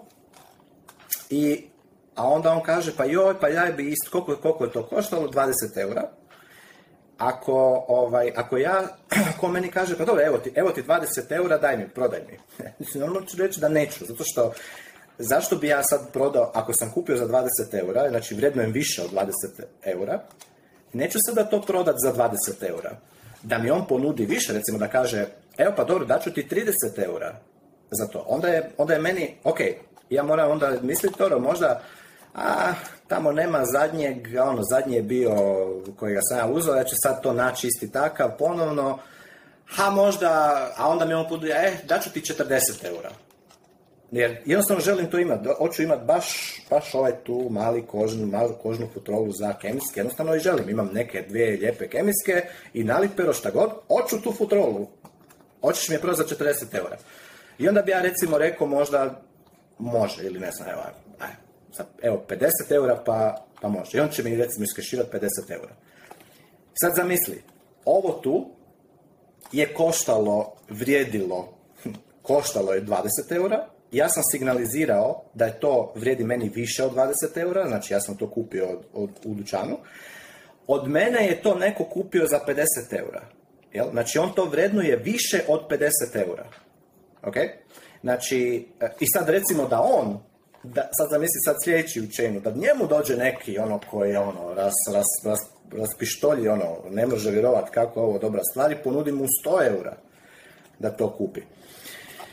To je, to je, to je u biti stvar da je, da, da, su, da je vrijednost subjektivna. Nema ništa u ovome šta, ima, šta je definiralo objektivnu vrijednost. I mi ćemo vidjeti, to će, to će bitcoineri naučiti u ovom, u ovom fascinantnom događanju sa tim inscriptionima, tu lekciju o tome da je vrijednost subjektivna. Neko je spreman platit, e, evo, Flor, e, imaš one Bitcoin Rocks prvih 100 inscriptiona. Znači, to su slikice, JPEG-ovi, kamena, Bitcoin Rocks. Ali su inscribani u prvih 100 inscriptiona i lik e, traži, mislim da je floor 41,2 BTC-a za sada prodati jedan rok. 41,2. A bit ask, to je njegov, to je, to je njegov ask, a bit je, mislim, 4, 4 i nešto. I sad će se oni naći negdje, između 4 i 40. Kad se bude, ne, znači postoji neko ko hoće, koji vrednuje, subjektivno vrednuje stvar tu, znači da on ima, da on može reći, ja imam Satoshi, na kojemu je skrajban prvi od, jedan od prvih 100 sličica i to je Bitcoin Rock. Ja to imam. Evo, ja to imam, to je moja, to je moja subjektivna, subjektivno vrednovanje tog jednog Satošija koji u objektivnom smislu ima vrijednost jednog Satošija. Znači, bilo ko ko ne gleda ordin, nema ordinal theory, dan, dan, dan danas. Znači, ljudi imaju, drže Satoš, drže Bitcoin i možda nisu ni svjesni da drže, ako recimo drže, ne znam, jedan BTC, ok, imaju 100 milijuna satošija, oni možda nisu svjesni, ne da nisu, nego mnogo ih nije uopće svjesno, da kad bi recimo pregledali svoje satošije kroz ordinal lens, možda bi našli da imaju jedan rare satoši. Recimo da imaju jedan satoši koji je, u, je prvi u bloku. Jel? Jer imaš, e, to su ono, rare satoshi, do sada ima ih 750 i nešto tisuća, ne znam koliko je blokova izmajnano do sada, 750 i nešto tisuća, ovaj, znači imaš 751, 750 nešto tisuća rare satoshija, prvi satoshi u bloku. I ti možda imaš u svojem UTXO setu jedan takav satoshi. I to ti je ono što će se sada... I zašto ti ne bi, mislim ako tebi, tebi on ne vrijedi, tebi on vrijedi kao jedan, za tebe jedan satoshi, jedan satoshi, ali ti pregledaš, ti pregledaš svoj UTXO set, jer možda će ti neko dati 50 milijuna satoshija još, za taj jedan rare ili 10 milijuna za jedan rare. Neko će ti dati 10 milijuna sa toše za taj jedan tvoj koji je tebi, tebi nije vrijedan. Ali nekome drugom je vrijedan jer on će, on će nešto s njim napraviti što ti ne vrednuješ kao on. I, tu će se, I to će se događati. Znači, ljudi će, to se sifting through. Ljudi će ići gledat svoje, i to je super stvar zato što se incentiviziraju da ranaju full mode, da, da nauče ono actually. Znači koliko ljudi će rana full mode na svojem, e, zato da pogledaju da li oni imaju možda negdje na nekom svom, e, na nekom svom UTXO da imaju, e, da imaju Rev Evo, ja ću to prvi napraviti, zato sam i uzeo disk, jel? I da, da, jer sam rano cijelo vrijeme pruned node. Sad ću baš ono, evo, pri kraju sam downloadao zadnja dva dana ovaj, cijeli kompletnih 500, 500 gigabajta i, ovaj, i, i idem vidit, možda i je, kužiš, ja znam, tamo sam išao gledat čovječe, ono, uh, ko, ko onaj, e, kako se zove, Indiana Jones, ono, idem gledat tamo 2014. pokušavam tajmirat, idem gledat da sam, da mogu naći egzaktno blok gdje sam, ono, prvi put Get of Zero, jel, gdje sam, gdje sam prve satošije nabavio i ko zna, možda su, ono, možda je u tom bloku, ono, First satoši, ili ko zna, First Satoshi u bloku možda sam ono potrefio da je više rare, da je kao ono prvi Satoshi u bloku na difficulty adjustmentu. Znam da nije sigurno na halvingu, jer 2014. nije bio halving. Ali ovaj, možda je difficulty adjustment, možda je, možda je u međuvremenu, ono, za zadnjih par godina imam neki Satoshi koji je rare, koji će neko ko ga vrednuje više, biti spreman platiti više Satoshija za njega. A ovaj, tako da e, nas će Bitcoinere će naučiti ovo da je vrijednost subjektivna, i ja mislim da će im to puno onda, puno stvari uh, ono, ras, u, njihovim ono, percepciji svijeta, jer to je odlična stvar za znat za, za u životu općenito, da je vrijednost subjektivna i da zbog toga e, ne trebamo, ovaj, e, mislim, ispadamo malo onako šašavi kada, kada inzistiramo da da svi drugi nekako moraju konformirati sa našoj, našom percepcijom i vrednostnom skalom stvari u svijetu. E, meni to tako, tako, tako ono sili izgleda. Pogledaj taj Francis Poulion, ono, baš, baš me je ono malo žici mislim, nisam ga još upoznao u živo ništa, ali ono, kužiš, neko bi rekao, dobro, ali ti si ono, ti tamo živiš u, u, u, džungli, ono, i ne znam, imaš... E, E, ono, radiš isto neke lude stvari, neko ne vrednuje to, neko vrednuje nešto drugo. Ali koji sad ti imputirat nekakvu moralnu, moralni judgment na to, da ti ono uvijek na kraju se, se vraća na, na to ono, kako bi se reklo, ko prvi, ko je bez grijeha, neka prvi baci kamen ili ono, ako ideš đađat e, sudit nekog, na kraju će se tebe, po onom, po onom stupnju kojem ti sudiš šta drugi ljudi rade, jel, takav sud neki po tom stupnju nekako kao da će se reflektirati kako će drugi ljudi suditi tebe. Tako da ono, ne treba se zaletavati i osuđivati e, da je neko ono ovakav ili onakav zato što je, ne znam, zato što stavlja nešto na, na, na, na Bitcoinu blockchain što mi neko od nas smatra da je glupo. I onda pre, pretjerano se hvata u taj, u taj ono, žrvanje oko toga da je to sad glupo ili nije glupo. Mislim, ja mogu zamisliti fantastične stvari koje bi meni bile jako vrijedne, koje bi ja bio spreman platiti e, nekome da, da napravi. Ja sam recimo imao već e, iskustva da bi kupio, platio nešto što vrijedi meni samo, umjetničko, umjetničko dijelo, umjetnički rad, slika, skulptura i tako. Znači, um, neko će reći da, ali to, šta, šta će ti to? čovjek ima svoju, ima svoju, ajmo reći, hijerarhiju nekakvih ono, potreba i, i želja. I to je ono na neki način i duhovna rasprava u biti. Neko će reći zašto opće, zašto opće, kup, zašto opće i kupuješ i jedeš bilo šta što ti nije ono esencijalno potrebno za funkcioniranje tvog fizičkog tijela. Zašto ono, zato što, zato što tvoje naša bića su i fizička i metafizička. Znači, E, dokaz da su naša bića fizička i metafizička je to što recimo ljudi e, u velikoj većini ne žele jest e, hranu koja je kao za kućne ljubimce, za pse i za mačke. ja sam neki dan vidio, moja Marina je kupila nekakve štapiće za, za pse, one kao i to unutra je ono gove, goveđi štapić. Ali to sama, sama činjenica da, da, da, na tim štapićima ono pas, slika psa i da je piše štapići za pse, će ti vrlo rijetko ko će doći i otvoriti to i krenuti to jest. Zato što jednostavno ima tu percepciju, a ne, to, to nije, to sad nije,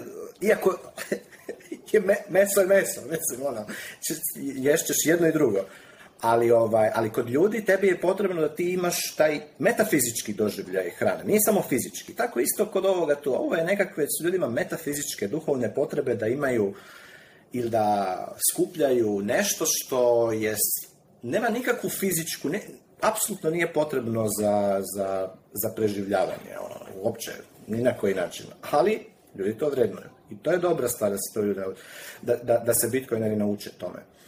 I, ovaj, I zašto ne bi ono, kažem, to sam spominjao na prošlim epizodama, ali ono, moram opet spomenuti, mislim da je prilika uh, bitcoinerima koji, koji znaju rana full node koji su, koji su ono, verzirani u tome, da sada se u partnere sa, ono, se spoje, da, da, da, da potencijalno uh, novče ta, to, to svoje znanje i vještine, zato što doslovno dolazi puno, puno ljudi koji su spremni za to platiti, koji kojima je to kojima je vrijednije da im ti pomogneš inskrajbat sliku koju su oni napravili na, na, na, na i spremni su ti platiti. To im je vrijednije od, ne znam, 100 ili 200 eura. Odvojit će se od 100 ili 200 eura da im ti to napraviš.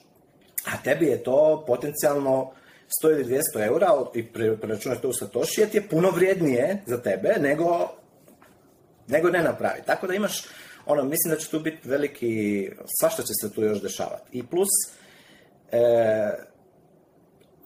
ono, to korištenje, korištenje tih novih tehnologija koje su, koje su na Bitcoin ono, Taproot i to se, to je sad eksplodiralo. Sad, sad se actually počinje, ono, proučavati šta se se može napraviti. Sad taj, kojiš ja sam, kažem, nisam uopće znao masu stvari koje su, koje su sad uh, ono, potencijalno uh, ono, moguće za, za napraviti. Slušao sam ove iz counterparty uh, ekipe. Ka, oni kažu token is the art. Jel? U biti njima nije bitno ne, nije im toliko bitno da, da, da sam imidž bude na samom blockchainu, nego, da, nego samo da bude asocira sa tokenom, jer u, principu ljudi ne kupuju sliku, ne kupuju JPEG, kupuju, kupuju token, kupuju, to je ono što je, šta je njima bitno, kupuju sad u ovom konkretnom slučaju Satoshi. E, to je super. Satoshi je, je, je scarce. Ne, ne, ne taj image. Imidž možeš downloadati i duplicirati. Duplicirat.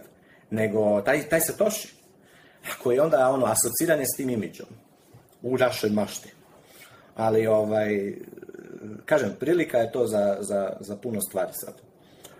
I, i, i sigurno će, i sigurno će ovaj, e, pomoć u, u ma mislim, ovo što se tiče ovog argumenta kao da je to dobro za mining jer su sada ono mining fee e, kao mislim da to nije, nije toliko nije zapravo će bitan argument zato što u budućnosti ako bude demand za Bitcoinom gdje fijevi će biti, e, ljudi će plaćati fijeve za taj final settlement, a ako ne bude, onda neće. Ali to je ono, argument nije, ne, može, ne postojati svijet u kojem je ono, milijardu ljudi drži Bitcoin i demand za Bitcoinom je toliki da je kupovna moć Bitcoina tisuću puta veća nego što je danas i da uh, mineri ne mogu da, da, da mineri ne mogu naplatiti transaction fee. To, to je nemoguće i mi ga danas, mi danas plaćamo uh, transaction, znači mi kažemo da, ok, danas mineri se naplaćuju od subsidija, od ovoga novo bitcoina, a mining fijevi, ovi transaction fijevi su puno manji, ali ovaj, ali to samo govori da mi kao holderi jel, mi sada plaćamo korištenje bitcoina, sam jučer ono, računao 900 bitcoina na dan puta 20.000 e, dolara, 18 milijuna dolara svaki dan novo kreiranih bitcoina, te de, ono, inflata tvoj, tvoj holding. Znači ti moraš, svako od nas mora kolektivno ili držat 18 e, milijuna ili 20 milijuna koliko je već e, tečaj danas, 20 milijuna dolara novo kreiranih bitcoina svaki dan da bi zadržali ovaj price. Znači, e, tako da e, kada, kako bude taj, taj blok subsidi se smanjivao, jednostavno će se povećavati, jednostavno samo, isti demand će morat, znači svaki dan moraš imati 20 milijuna dolara demanda dodatnoga koji može biti ili dodatnog novog dimenda, ako bi svi mineri sve, sve prodali u, u, u, u svaki dan, sve, sve, mine, blokove koje su izmajnali, sve bitcoine koje su izmajnali, onda bi moralo biti ekvivalent 20 milijuna novoga dimenda, novoga, nove potražnje svaki dan.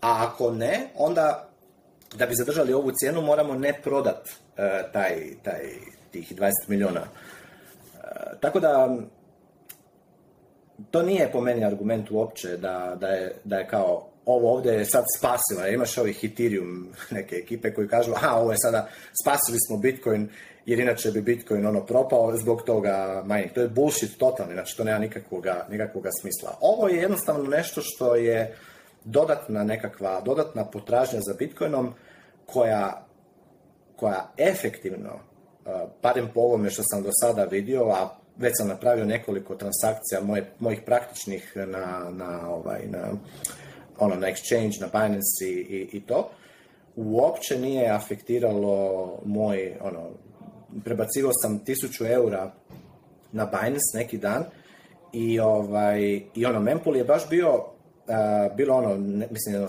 7-8 blokova po 20 satošija po, po bajtu.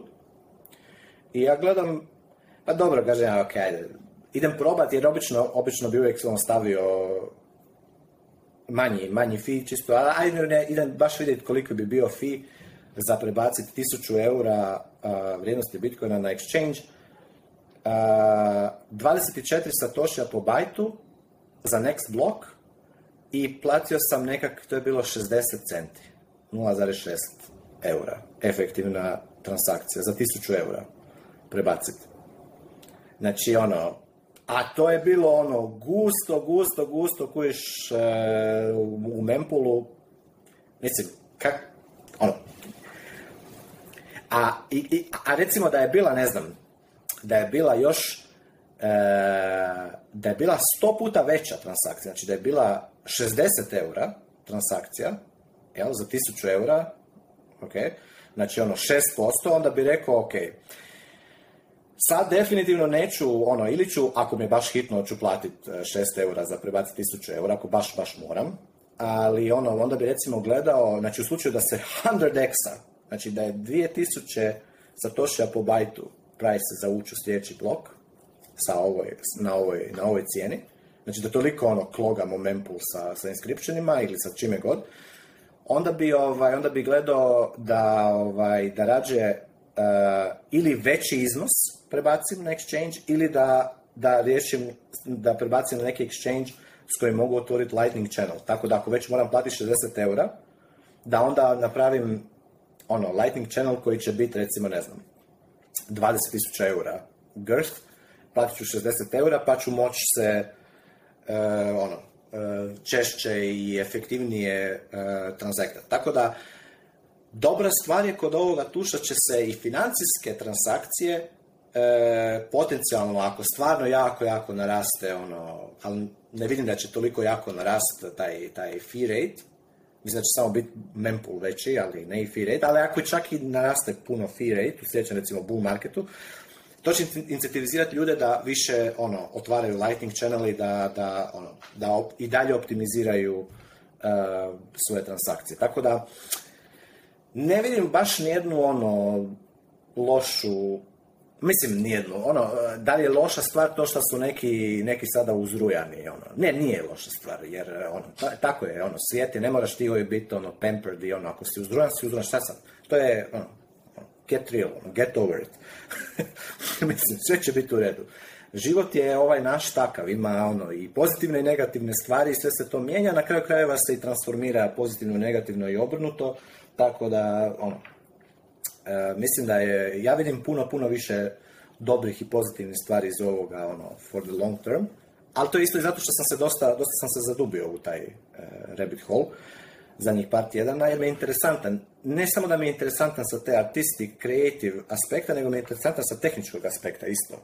I baš me ono akceleriralo tehničko, tehničko razumijevanje e, Bitcoina i capability isto. Tako da ono, baš bi, baš bi volio da se više ljudi e, sada uključi, jer je, da, fan je, ima i market je, znači nije ono, nije samo idemo se igrati sa, ne znam, Pokemon kartama, možeš ti tu, ako želiš i napraviti biznis određen, pogotovo ako, ako si ono, ako si smart about it, ali je isto tako, ono, u svakom slučaju je, je, je pozitivno, po meni.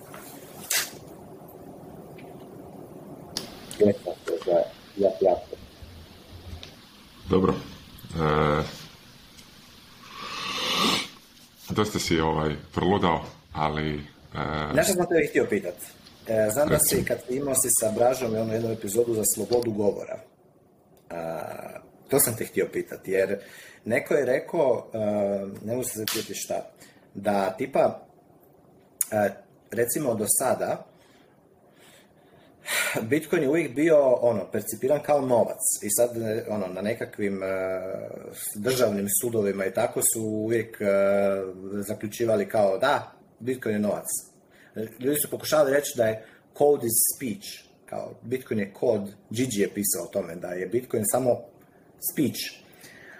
kao da bi se to trebalo kad ono podrazumijevati kao da je to dio u kategoriji slobode govora, ali onda bi ljudi rekli da, da, dobro, ti pričaš da je to sloboda govora jer je code speech, ali realno radi se o novcu, a novac je, mi ga reguliramo ovako i ovako. Ali sada, to kaže isto ovaj Casey, sada ti biš mogao zapravo argumentirati da Bitcoin je i novac, ali je, boga mi sada sigurno freedom of speech. Jer ako neko je stavio onu zastavu od Tajvana na, na, na, na blockchain, neko je stavio onda onaj onu sliku onih tenkova što su bili u Tiananmen Square-u. E, pa recimo da ti staviš bilo šta, ono, staviš US Constitution ili šta god možeš staviti na, na, na, na blockchain, kako će tebi sad neko reći, e gledaj, Bitcoin ćemo zabraniti na bilo koji način, jer e, ne, Bitcoin je sloboda govora, ono, ja ću staviti e, knjigu na, na time chain,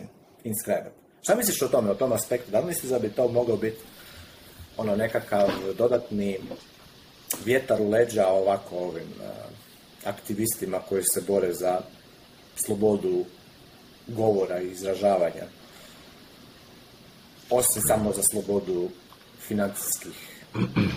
Moglo bi, moglo bi. E, ja sam osobno kroz zadnjih tih pola godine, 12 mjeseci, dosta možda i promijenio neke svoje stavove oko svega toga. E, mislim na kraj krajeva možeš onda staviti i dječju pornografiju, to ulazi u slobodu govora. Ali, e, ovako, sa, e, samo ta ideja... Sloboda, sloboda govora znači i odgovornost. Sloboda, odgovornost ono lice naliče, tako da... Da, E, da se ono. e, kao sloboda govora ili sloboda bilo čega kao izraz e, implicitno implicitno pred, eh, prepostavlja da netko meni tu slobodu daje ili pruža. Eh, to je jedna pretpostavka koja je utemeljena na nekakvom tom modernom humanističkom viđenju svijeta. Eh, sama ideja povelje un o ljudskim pravima, pa ne znam ja, konstitucija ova, kako se zove, Ustav SAD-a, na kraju krajeva većine modernih zapadnih zemalja su tako koncipirane da na neki način neki dokument ili neko e, tijelo pravno, državno ili slično e, svojim građanima omogućava te slobode. E, sama ta pretpostavka je po meni lažna, kriva, nepotrebna, jer ako meni netko treba dati neku slobodu, znači da ja tu slobodu zapravo niti nemam. I onda je ta ideja da...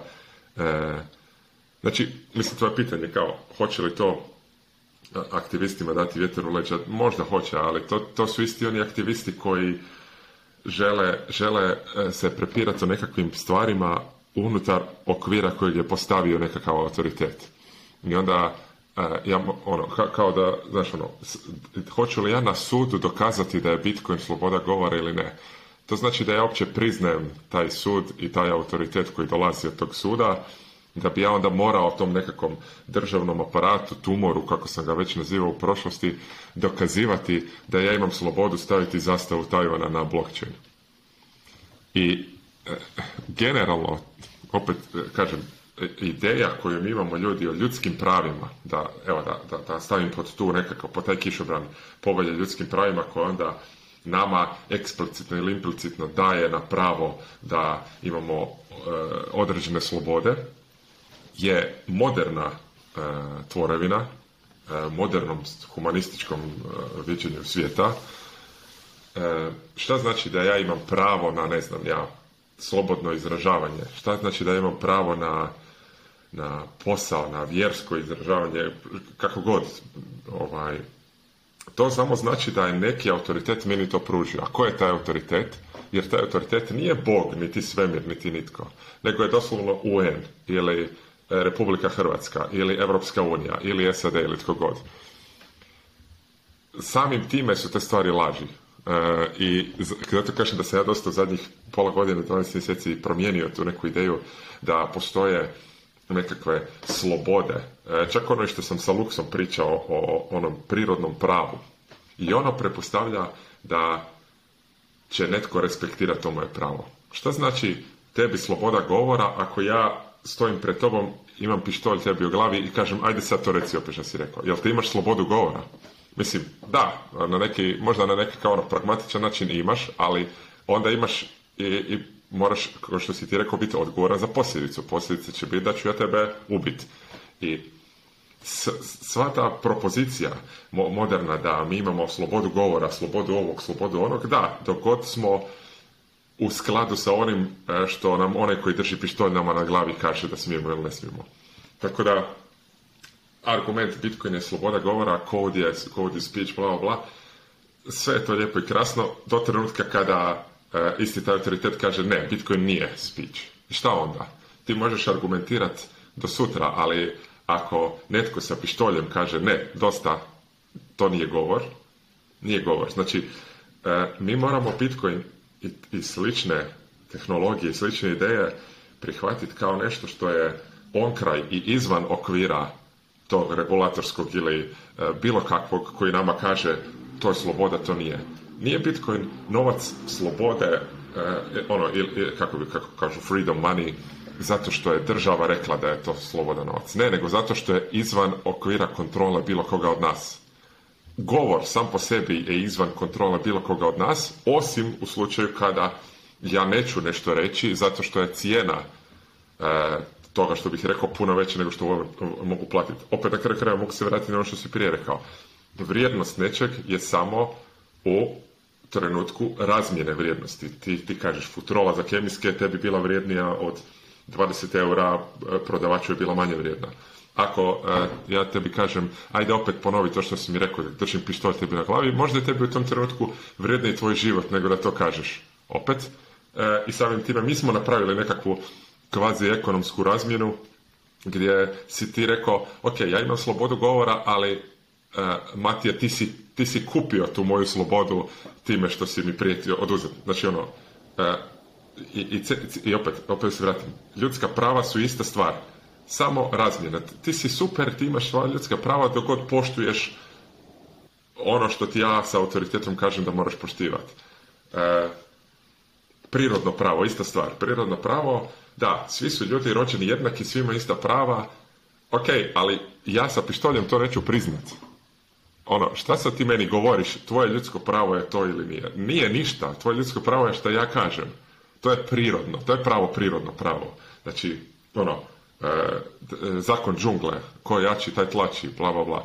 I nije to ništa loše, na kraju krajeva tako postoje prirodni ekvilibri, postoje predatori, postoji plijen. Eh, ljudska civilizacija počiva na tim principima. Samo što smo mi možda malo civilizirani pa je eh, ono direktno krvavo nasilje manje vidljivo nama u svakom trenutku E, znači, netko poput mene ne vidi baš e, kako se e, rastrga čovjeka da bi ga neko pojao svaki dan, nadam se niti nikad, ali poanta je da to ne znači da svijet nije takav i dalje. I onda samo želim reći taj kao argument Ordinals ili ovo ili Bitcoin, to je sloboda govora. Sve je to lijepo. Ali moramo svi shvatiti da pravo na slobodu govora je nešto što je netko nama netko nama ustupa. Velikodušno nama država ustupa slobodu govora. Ne znam, SAD, koji je to? Prvi amandman Ustava. Jel? Prvi, ne znam, prvi, znači kaže da postoji sloboda govora. I zaista, ta sloboda govora je vjerojatno u SAD-u najveća usporedbi sa cijelim zapadnim svijetom. Čak Evropska unija ima, ima slično nešto gdje piše da svako ima pravo na slobodu govora, ali, ali onako nekako generalno, generalni disclaimer, dogod je to E, dok god to ne škodi nikom ili dok je to u skladu sa nekim pravilima. Mislim, znači, ono, to, to je kao da kažeš, evo, e, ja imam pištolj tebi na glavi, ali sam ga prekrio svilenom maramicom. I kažem, evo, možeš reći što želiš, ali nemoj jer znaš što je ispod svilene maramice. E, evo, to, to, je moje mišljenje. Znači, sve je to lijepo i krasno, ali ako odemo opet korak dalje, temeljnije, sloboda govora je, je je e, I svako od nas ima onu slobodu koju, koju, opet, vratit ću se na taj tvoj ekonomski argument. Svaka naša sloboda ima neku vrijednost. Da. E, I to je to. E, I ko što si rekao, odgovornost. Odgovornost za tvoj život, odgovornost za nešto drugo. Ne mora biti tako ekstremno primjer sa pištoljem na glavi. Možda ćeš našao ono nećeš...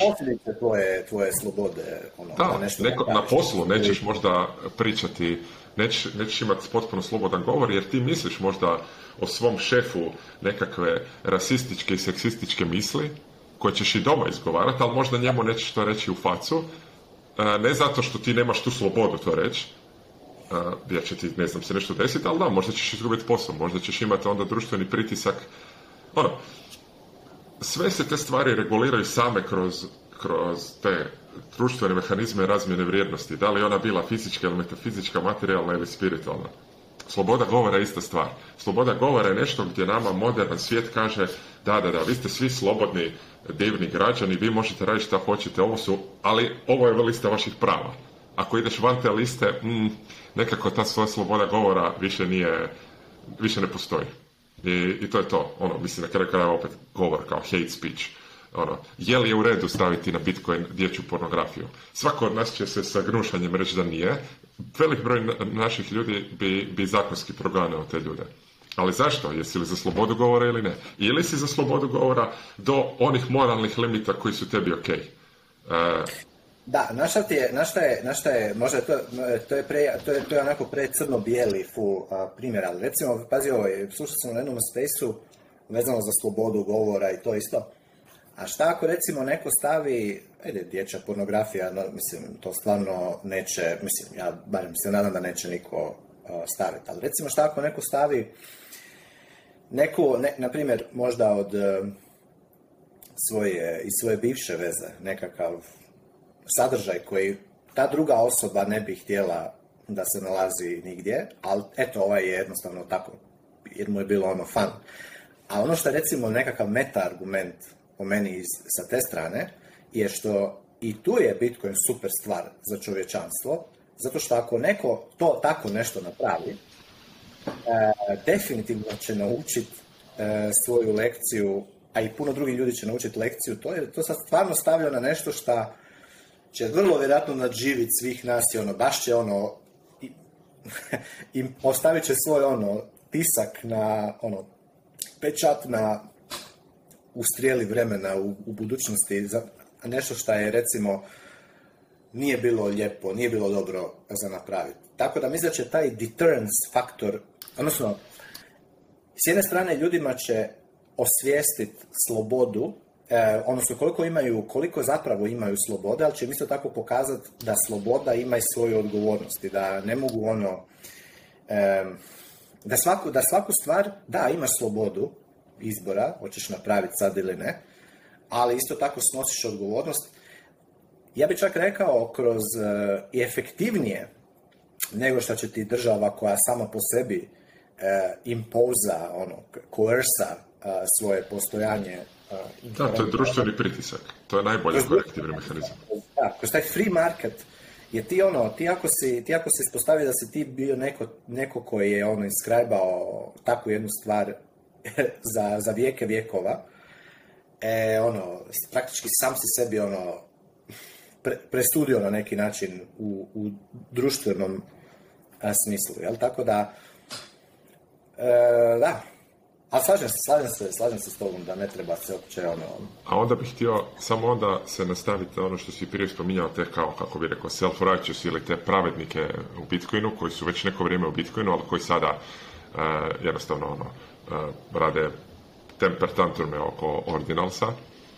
Ista stvar, evo, opet da se vratim, znači, pričali smo o toj fungibility, fungibilnosti, pa smo ušli malo dublje u tome šta je izmjena vrijednosti. Ja, evo, opet da se vratim, ja bih radije da ne postoje ordinalse na Bitcoinu. I to ne zato što su ljudi koji rade ordinalse grešnici ili zato što moj Bitcoin treba biti čist ili šta je znam. To jest, kako bih rekao, e, svatko ima opet pravo. E, ono, e, vokabular je limitiran. Svatko može raditi šta god želi i Bitcoin to omogućava i potpuno je licemjerno i histerično da ja ikome govorim šta smijem, šta ne smijem raditi, osim u slučaju kada netko mene direktno ugrožava. Znači, a ako netko zaista osjeća da kao se osobno ugrožava tako što na Bitcoinu imaš e, slike majmona, možda treba preispitati malo vlastiti život i životne vrijednosti. Ali želim reći, e, znači, znači, iz tog nekakvog filozofskog aspekta, da, super, ordinal si, koga briga, ono, radite što želite, sve to, sve to interesantno, dinamičko, nešto se dešava, sve cool. Opet, iz subjektivnog, ja, e, ja bih volio da toga nema, zato što meni se isto više sviđa ideja da je monetarni medij e, čist, ali isto tako ne mogu biti nerazuman i govoriti da da sad trebamo se boriti protiv toga i davati moralne argumente da je nešto zlo ili grijeh. Mislim, to su takve, takve gluposti. Da je ono... E, ne, ne znam, pogotovo iz ove perspektive da, znaš, ono, e, zakon džungla i sve ostalo. Mislim, ko si ti da meni kažeš šta ja smijem raditi na Bitcoinu ili ne? Nitko mi to ne može reći. Ono, ajde me probaj zaustaviti. Ja bi sad iz inata uh, inskrajbao tisuću slika e, tog čovjeka koji se buni protiv ordinalsa. Znaš ono, ili njegove twittere gdje on sere po ordinalsima bi inscribe inscriptione i slao njemu na wallet. Ono, baš zato. Znači, nemoj, nemoj, samo, samo iritiraš sve oko sebe. Samo, ono, samo ako ideš naokolo moralizirati ikome u ičemu, samo činiš e, prirodu i, svemir e, okrećeš protiv sebe a, ljudi se to onda, e, to, to se manifestira u tom i natu i prkosu kojeg ljudi rade. Casey rodar je rekao, ako ti smetaju ordinalsi i inskripcije, najbolju stvar što možeš raditi je potpuno ignorirati. Nemoj boostati signal. Šta sad ti ono, imaš veliko, velik broj pratitelja na Bitcoinu, ono, Bitcoineri te respektiraju, na Twitteru si velik, super, cool, i sad ti potrošiš, ne znam, 90% svojih tweetova zadnje dva tjedna o tome kako su ordinalci smeća.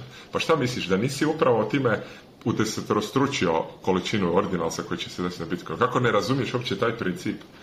To je ono, možda opet, ono, delusions of grandeur, zato što, ne znam, imaš 100.000 followera, kažeš, ja sam sad influencer, ja mogu utjecati na ljude. Ne možeš, ti si mala kap u, u kozmosu ono što ti radiš odjekuje na načine koje ne možeš predvidjeti, ali nemoj si uzimati za pravo da ti možeš razumjeti kompleksnost i kojeg, takvog sustava.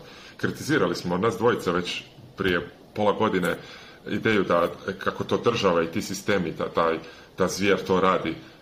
Centralno planiranje, ne možeš niti kao individualni influencer ti predvidjeti kako će tvoje akcije nešto raditi. Ono, drži se moraš shvatiti koliko si, koliko si, e, koliko je svako, mora svako od nas razumjeti koliko je svako od nas potentan, e, koliko može utjecati na stvarnost oko sebe. To jest, nitko ne može baš to točno razumjeti, ali isto tako moramo imati određenu skromnost. I onda ako ljutiti jer kaže, ah, stavljanje slika na Bitcoin je grijeh, ono, nemoj se tako diskreditirati. E, Nemoj se tako diskreditirati. Razumijem da je to tvoje mišljenje, ali opet na kraju krajeva ne mogu ja braniti njemu. Neko govori šta hoće, ali društveni pritisak će biti. Ono, Radiš sam sebe. čak i ako si u pravu, čak i ako si u pravu, čak i ako ordinal si Bitcoin, ne smiješ to raditi. ne smiješ to raditi. Jer recimo, mislim, ovaj Luke Dash, ovaj, šta je, znači on je, ono, Znači, napravili su inscription broj 666 s njegovim, ono... Znači, e, pa eto, tako, e, tako treba. Šta, ti se na kraju dogodi? Ti toliko, ono, ti si toliki, ono, ono, stro, ono, kako se to kaže, strogi katolik, e, ne znam. A na kraju naučiš na sebe upravo to da si ti sada inscriban sa 666 e, brojem. To je Barbara Streisand efekt. Da, mislim ono, da, ne, ne, ne, ne treba ovaj... E. Ono, ili si, ili si za slobodu, ili nisi. Da. A e, ta ideja da si ti za slobodu dogod je ona e, ide tebi na mlin, a kada ne ide, kada ti se više ne sviđa, si protiv nje. Oprosti, ti onda nikad nisi ni bio za slobodu, ti si jednaki tiranin kao i oni protiv kojih se boriš. Zato se ja trudim osobno. Znači, ja, ja se osobno na nekoj razini slažem sa Luke i, i, i Francisom Pujlovom da, da, da, meni se osobno ne sviđa ordinal stil, da ja onda krenem ljudima e, ono, plasirati kako je to grijeh, kako je to glupost, kako se treba toga riješiti, kako zapravo Bitcoin sloboda ne znači to, nego samo znači ono što ja definiram da znači. Ne, ne, krivo sam. Ja sam onda jednak i tiranin. I to je doslovno to. Ja moram napraviti distinkciju od mog osobnog osjećaja, gdje ja bih rađe da to ne postoji, i mojeg nekakvog javnog stanja i mijenja gdje kažem ja stojim za time da je ne, ne sloboda kao u smislu pravo koje nam je dano, nego da, sloboda ima svoju posljedicu, svoju odgovornost i ja se neću miješati u to što ti radiš dok to što, to što ti radiš ne, direktno ne utječe nepovoljno na mene ili povoljno, a realno, mislim, ordinalci nemaju taj efekt. Ja, reci me Na kraju kad padne kiša, kad padne kiša, a ja sam planirao ići se sunča danas, šta ću ja onda? početi tweetat kako je, ne znam ja, e, Bog zapravo full bezvezan tip jer mi je bacio kišu kad se znam sunče. Bitcoin je slična stvar. Ko si ti da kažeš meni ili bilo kome šta trebamo raditi s Bitcoinom? Šta, trebam e. zagovarati da vlada i E, radi weather control, da ne bi e, padala kiša danas. To je doslovno taj argument. Ja ću reći na tweet, zašto vlada više ne upali taj svoj e, stroj za kontroliranje klime da bi ja imao danas sunčan dan? dobra ga. Mislim, nemoj to raditi. da, da, da. Ali da sam te htio pitati, vezano za čisto ovo, ovo, pitanje da ti se, da bi rađe da nema ordina ali sali, Htio sam te pitati ovo, da sam Gigi poslao pa... pa mi je odgovorio. Uglavnom, neko je, neko je na nekom, eh, na nekom eh, Twitter space-u je pričao o tome kao kao eh, ako smo mi već svi ono, bitcoineri gledamo na taj bitcoin kao neka malte ne kao religiju ono na neki način imamo možemo reći da je ono kao Satoshi ko neki mesaja i nemam pojma Imaš i knjigu, su na, ono, knjige napisali Thank God for Bitcoin. Imaš puno tih e, ljudi koji vide tu neku spiritualnu dimenziju u, u cijeloj priči i nešto tako. Da ima, da je to je nešto više od, od samog softvera nekakvog, ne? E, i, I onda je neko je rekao kao, za, za te ordinalce i taj, te inscriptione i općenito to šta, ljudi radi, šta će još raditi, tek by the way, tek je to ono, počelo, ko zna kako će izgledat u budućnosti, pogotovo kako se budu fijevi podizali, pa ti moraš puno više razmišljati da ćeš nešto napraviti, da li ti vrijedi to platiti za staviti na, na, na, na, blockchain, pa bi se vjerojatno i kvalitetu trebala povećati, ali neko je rekao kao, e, pa šta nije ono u svakoj religiji na neki način taj ta estetika i, i ono umjetnost i, i lijepo i ono ljepota je dio e, religije. Zašto su recimo ljudi gradili E, ono lijepe, lijepe crkve ili Sixtinsku kapelu, ono Michelangelo i ono nemam pojma, ono imaš taj imaš doslovno uh, katedrale i ono zlatne, ono mislim da je to hoće reći kao to je dio tog religioznog e, nekakvog e, momenta uvijek bilo i sada na Bitcoinu ono normalno prirodno je da je, da, da je došlo i da zapravo će možda biti jedan ono alat koji će ono, ono wow efekt napraviti ljudima na, na taj naš Bitcoin. Šta misliš o tome? Je to, je to uh, jel, jel, možeš vidjeti neku, možda ne sad sigurno, jer sad su još uvijek po mom mišljenju većina stvari koje se stavljaju ono, kakica, ali ajmo reći za jedno 20 godina ono, eh, u budućnosti, jel možeš vidjeti tipa da neko ono ima jako visoku, e, visoki estetski ono nekakav moment i stavi nešto jako lijepo e, na, na Bitcoin, da to recimo manifestira tu, tu duboku spiritualnu dimenziju cijele, priče koja je, koju sad puno Bitcoinera prepoznaje. I on praktički gleda ko svoju religiju sad. Šta misliš o tom? Pa dvije stvari bih razložiti. Znači, e, Prvo, komentar na to je li Bitcoin religija sa svojim eh, ono, eh, eh, kako bi rekao, mesijaničkom figurom, sa svojim svecima, svojim praksama, svojim ritualima i to. Ta analogija mi nikad, meni nikad nije baš ovaj toliko dobro sjela, iz više razloga. A jedan dobar razlog je što, ok, to je isto produkt modernog, modernog vremena i racionalnog gledanja na stvari, kroz mislim, barem mislim da e, e, religiozne prakse ili barem te nekakve duboke ritualne, spiritualne prakse e, prestanu biti to onda kada se kodificiraju kao takve.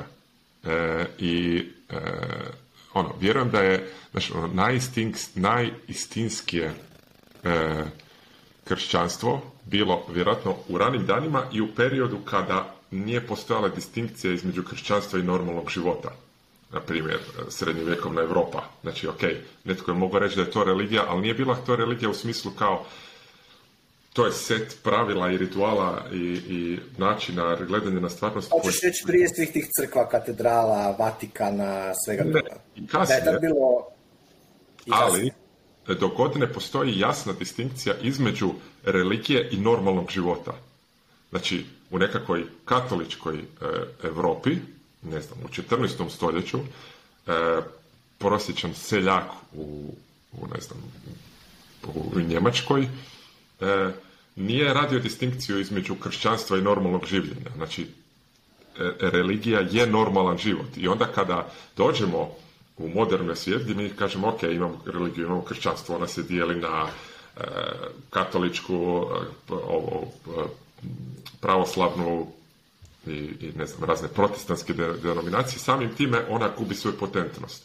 Ista stvar, dobro, to je opet naša, naša racionalna tendencija da mi novu stvar, Bitcoin, sad pokušavamo forsati analogiju sa tako nečim što mislim da ta analogija ne funkcionira skroz, ali da stavimo to sa strane, da ti, ono, to je pitanje ima li nešto poput inskripcija eh, potencijal da učini samo viziju Bitcoina nečim gdje ti spiritualno elevira, da li ona radi nekakvu, tu kažemo, nekakva nevjerojatna umjetnost i stavljena u JPEG-ove ili, ili ti si pričao e, prošli petak o, o tome kako se puno sadržaja tu može raditi, pa 3D, pa nekakve modeli, pa virtualne stvarnosti, e, na kraju krajeva može se glazba stavljati, ko zna, možda će sutra se napraviti nekakav nevjerojatan ono, breakthrough u, u u pohrani podataka gdje ćete moći e, puno više e, ovaj, podataka spremiti u puno manje prostora, pa ćemo tih 4 MB zaista moći dobiti ne samo Doom iz 94. nego, ne znam, Doom iz 2016.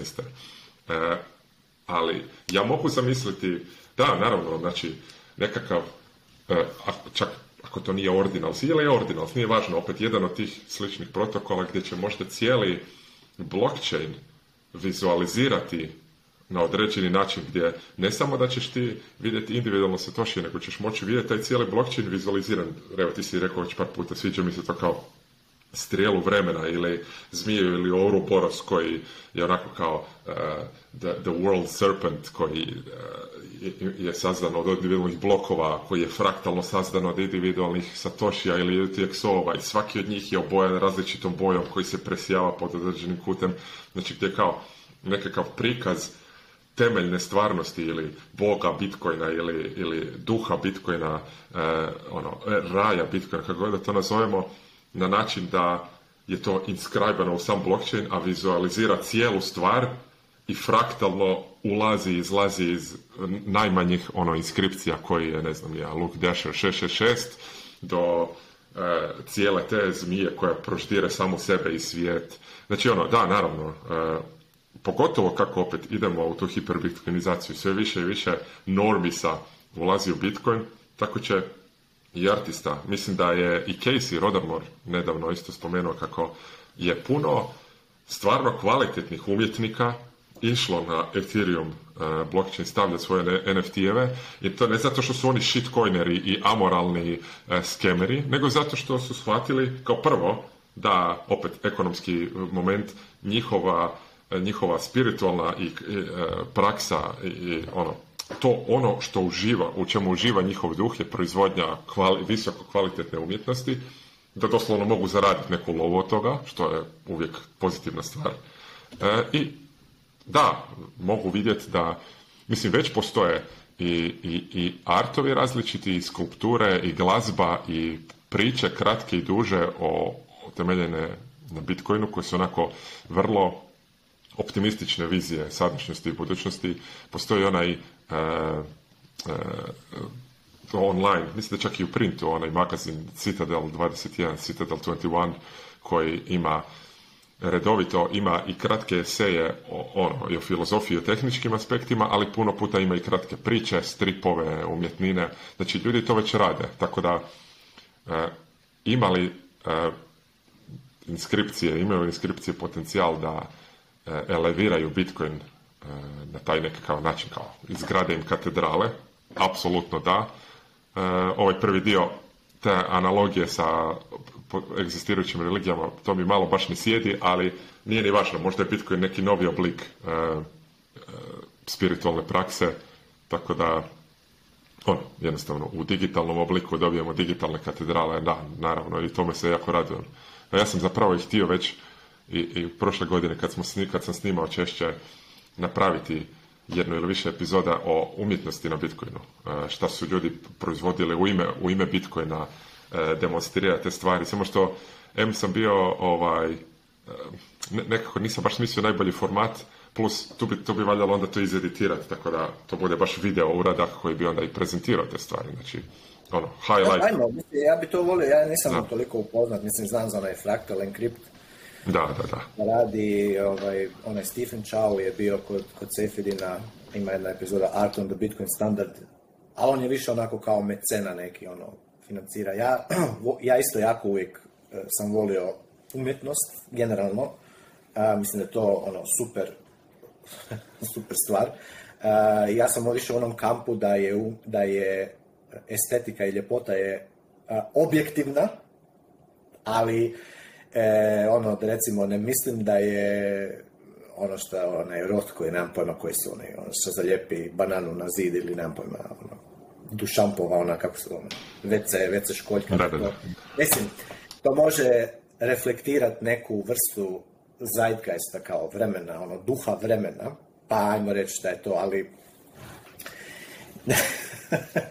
ne, mogu reći da mi je to, ovaj, da bi Mislim, na kraju kraju to je subjektivno, ali ja mislim da je ipak postoji nešto objektivno u toj lijep, ono, lijepoj, uh, hip, kad neko napravi hiperrealističnu sliku, onako, da, da tu ima ono, pokazuje i taj, taj, taj, taj skill, tu vještinu, taj, to vrijeme, taj dedication, to kako se zove onaj, onaj šta, crta sa, sa, sa olovkom, uh, sa... Kao art, uglavnom, ne znam. Da, volio bi, volio bi, da, volio bi da, to, da, to, da to napravimo, jednu cijelu... Uh... Pa mislim i ti imaš iza sebe, evo, onaj Bitkov, Bitkov sliku i, i plašija koji sjedi na kauču, mislim, to su isto mali primjeri uh, da, Bitcoin imam, arta. imam i tu isto i nekakve, vidiš, imam, no to je recimo, ne znam koliko će se sad vidjeti, vidiš, tu je jedan Honey Badger, vidiš, ovo su... Da, da, da, da. I tamo je ovaj, još jedan. Ovo je, da, ono je nacrtan na krilu, onaj uh, eh, Hani Badger, Tamara, Tamara bi trebala doći na jednu epizodu, da je malo ovaj... Eh, da, mislim... Eh, a da, ne znam. Trebali bi, trebali bi.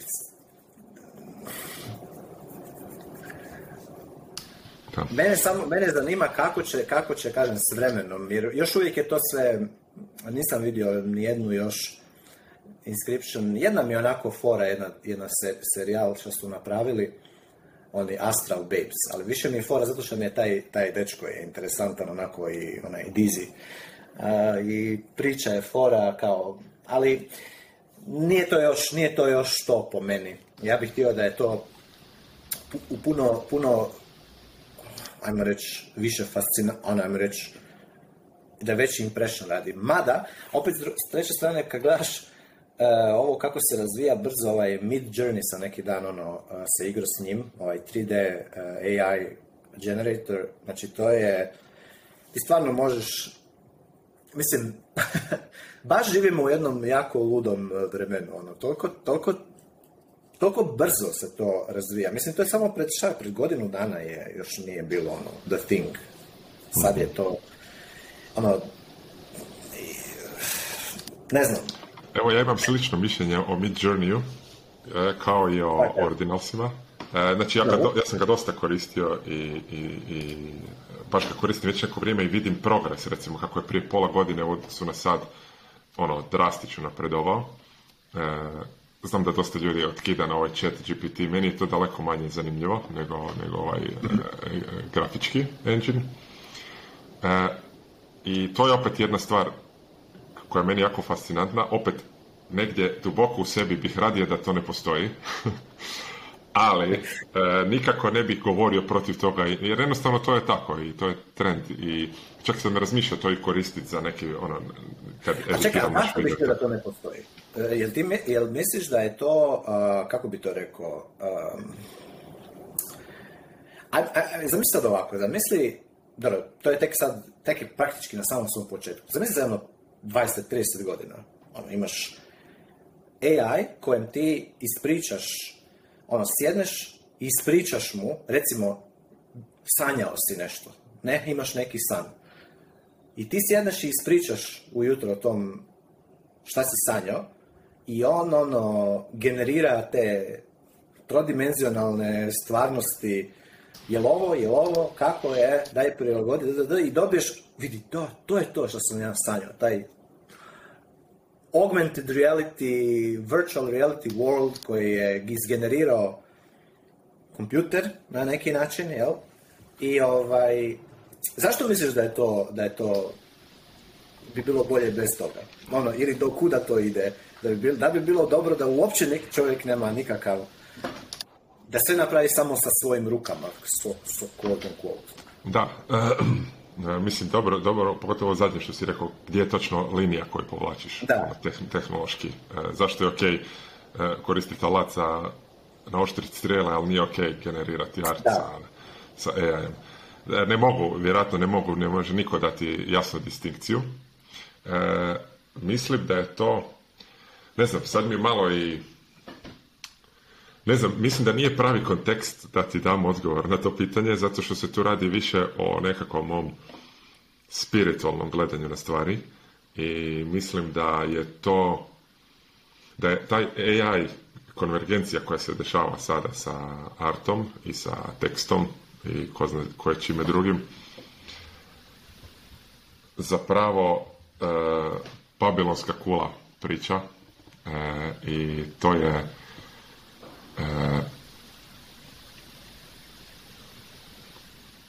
u rekao bih ovako, rekao bih ovako, igranje sa silama koje ne razumijemo i koje nismo zaslužili. Ali, bez, da, bez da sad, znači to nije nikako ni tehnički ni racionalni argument, nego je to više, eh, ono, eh, to je, to je džavolja eh, stvar i to, i to je... A ali samo malo, ali da li je, da li je recimo uh, uh, fotoaparat i videokamera, da li je to isto igranje bilo? Ne, a, distinkcija koju tu radim je, uh, je ta da videokamera i fotoaparat, premda ja osobno nemam savršeno kvalitativno razumijevanje kako on funkcionira, dovoljno je dobro da ga mogu eh, onako, kako bi rekao, dovoljno dobro dovoljno dobro konceptualno razumijem kako to mogu raditi i znam da su mi dostupni resursi da shvaćam eh, kako to funkcionira. A mislim da je AI e, eh, previše, tehnologija koja je previše abstrahiranja od ljudskog, ljudske shvaćanja, ljudske spoznaje i mislim da smo možda stvorili E, nešto što ni sami inženjeri točno ne razumiju kako funkcionira. I možda se tu, možda se tu radi o ono, kako bi rekao, mislim da je jednostavno e, e, količina kompleksnosti koja je u tehnologiji generativnog AI arta predaleko odmaknuta od ljudskog shvaćanja i samim time je kao igranje sa crnom magijom. Mislim, razumijem da, da e, ovaj argument koji dajem apsolutno nije nešto što mogu argumentativno potkrijepiti, niti je nešto što sam e, artikulirao baš često. Ura, prije. recimo kad biš imao, ajmo reći da uzmeš sada na primjer jedno, ne znam, šest mjeseci, godinu dana i ideš e, recimo sve malo ono, u first principles općenito u artificial intelligence, odnosno mhm. machine learning, ono, kako se... Kako da, ne, ne, jesam, jesam, ali po, poanta je što e, kako bih rekao, to je kao e, razumijem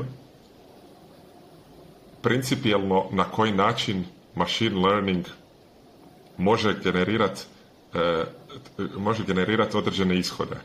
Ali tu se radi o tome da e, je sve više i više tih ishoda potpuno emergentno. Znači tu se radi o teoriji kompleksnosti. Ako ja razumijem savršeno e, jednostavne sastojke za nešto, to ne znači eksplicitno da ću ja razumjeti i proizvod kombinacije tih sastojaka, znači, e, kako me razumije. Znači, kako bih rekao, zamisli da ja potpuno razumijem nekakav recept za izradu kolača, ja i dalje ne mogu shvatiti kako je taj okus na kraju toliko fantastičan od ovih relativno bazičnih sastojaka. Zato što u tom procesu postoje nekakve, e, znači, kako bih rekao, što nekakva struktura postane kompleksnija, to je e, veća vjerojatnost da se nove, e, nove kompleksne strukture unutar toga stvore koje su onda e, ne, M nepredvidive, M su onkraj razumijevanja onog trenutka sa početka. To je recimo onaj Steven Wolfram dosta radio. Znači kao radiš si upoznat sa ono, onom matematičkom konstrukcijom koja se zove Game of Life, Conway's Game of Life uh sad, sad ću ja probat reproducirati, ali nisam siguran baš da ću, da ću znati savršeno, ali nema veze, radi se o sljedećem. Zamisli da imaš jednu, ono, savršeno dvodimenzijalnu ra- ravan, nekakav grid. Možeš napraviti grid, ono, šahovsku ploču ili kakav god grid koji je beskonačan. Znači imamo beskonačan grid, koji su ono savršeni kvadratići. I sad, Game of Life se igra ovako, znači, ako je, e, recimo, ova, jedan, jedna kockica, jedan kvadratić crn, mi kažemo da je on živ, a ako je bijel, kažemo da je mrtav ili obrnuto, nije ni važno. I sad mi počnemo sa cijelim gridom bijelim, znači sve je mrtvo, i stavimo na početak jedan, e, jednu kockicu, jedan kvadratić koji je crn i mi kažemo da je on živ. Sada je sljedeće pravilo. E, svaka kockica je okružena sa osam drugih, je li tako? u, u kvadratnom gridu. E, ako je bilo koja kockica okružena sa manje od dvije druge kockice uh žive, ona umre. I ako je okružena sa više od četiri, ona umre. Mislim da je to pravilo. Mhm. I sada, ako ti staviš samo jednu i pustiš da prođe jedna jedinica vremena, ona će umrijeti. I ok, i Game of Life se odigrao do kraja. Super. Ako staviš dvije jedno do druge, ista stvar će se desiti zato što ih nema dovoljno. Kada ih staviš tri, onda već, e, tri ili četiri, onda već e, u sljedećoj generaciji se e, jedna umre, jedna ne. Plus, mislim da je isto pravilo E, to trebaš, ono, naći ću neki link, e, ponekad se i rađaju nove. Tipa, ako je, ako je mrtvo polje e, okruženo sa određenim brojem, onda se rodi nova. I sad, kako prolazi jedinice vremena, recimo svake sekunde, počinju se, znaš, ono, neke, neke se pale, neke se gase. vrlo brzo, zato što je to eksponencijalna funkcija, sa određenim arbitranim strukturama na toj ploči se počnu generirati takve strukture kroz vrijeme koje niko ne može predvidjeti. E, znači čak matematički nije moguće predvidjeti niti modelirati budućnost e, tog, tog sistema bez da se ta simulacija odvrti. Znači ono, ne mm. možeš znati budućnost bez da je doživiš. Znači, ono, mm. kao, postoje jednostavno tako kompleksne stvari u, u ovom našem kozmosu koje nije moguće unaprijed izračunati i predvidjeti, nego jednostavno moramo vidjeti šta će se desiti. I, I, to se, kažem, taj Steven Wolfram, on je jedan onako malo ekscentričan Eh, computer scientist, on je to nazvao computational irreducibility, znači da neke stvari nije moguće eh, modelirati da bi se predvidjelo kako će se ono one ponašati u budućnosti. I uglavnom, Game of Life je jedan tako, ima super vizualizacija nevjerojatnih sa tim Game of Life i sa njegovim tim, on je to nazvao eh, cellular atomata, da ne ulazim sa to. Želim samo reći da u teoriji kompleksnosti postoje, postoji velik broj sustava čije čije e, konačno stanje nije moguće predvidjeti, nego je moguće, samo staviti u pogon i vidjeti kako će se to desiti. E, vjerojatno je ista stvari sa svemirom, ono, ako je zaista bio Big Bang ili nešto slično tome, nitko nije mogao predvidjeti da ćemo nas dvojica ovdje danas sjediti i pričati, znači jednostavno emergentna kompleksnost iz jednostavnih početnih postavki. I da se opet onda vratim na to pitanje, mislim, imam takav osjećaj, sasvim moguće da sam krivo, da generativan AI art je samo indikacija da smo, da imamo u, rukama nekakvu tehnologiju čije posljedice i djelovanje ne možemo predvidjeti, a možda neka moja mala ljudskost je ustrašena od e, ono, e, toga da smo probudili Sotonu ili šta ja znam, kako god da to sad nazovemo. E, ovaj.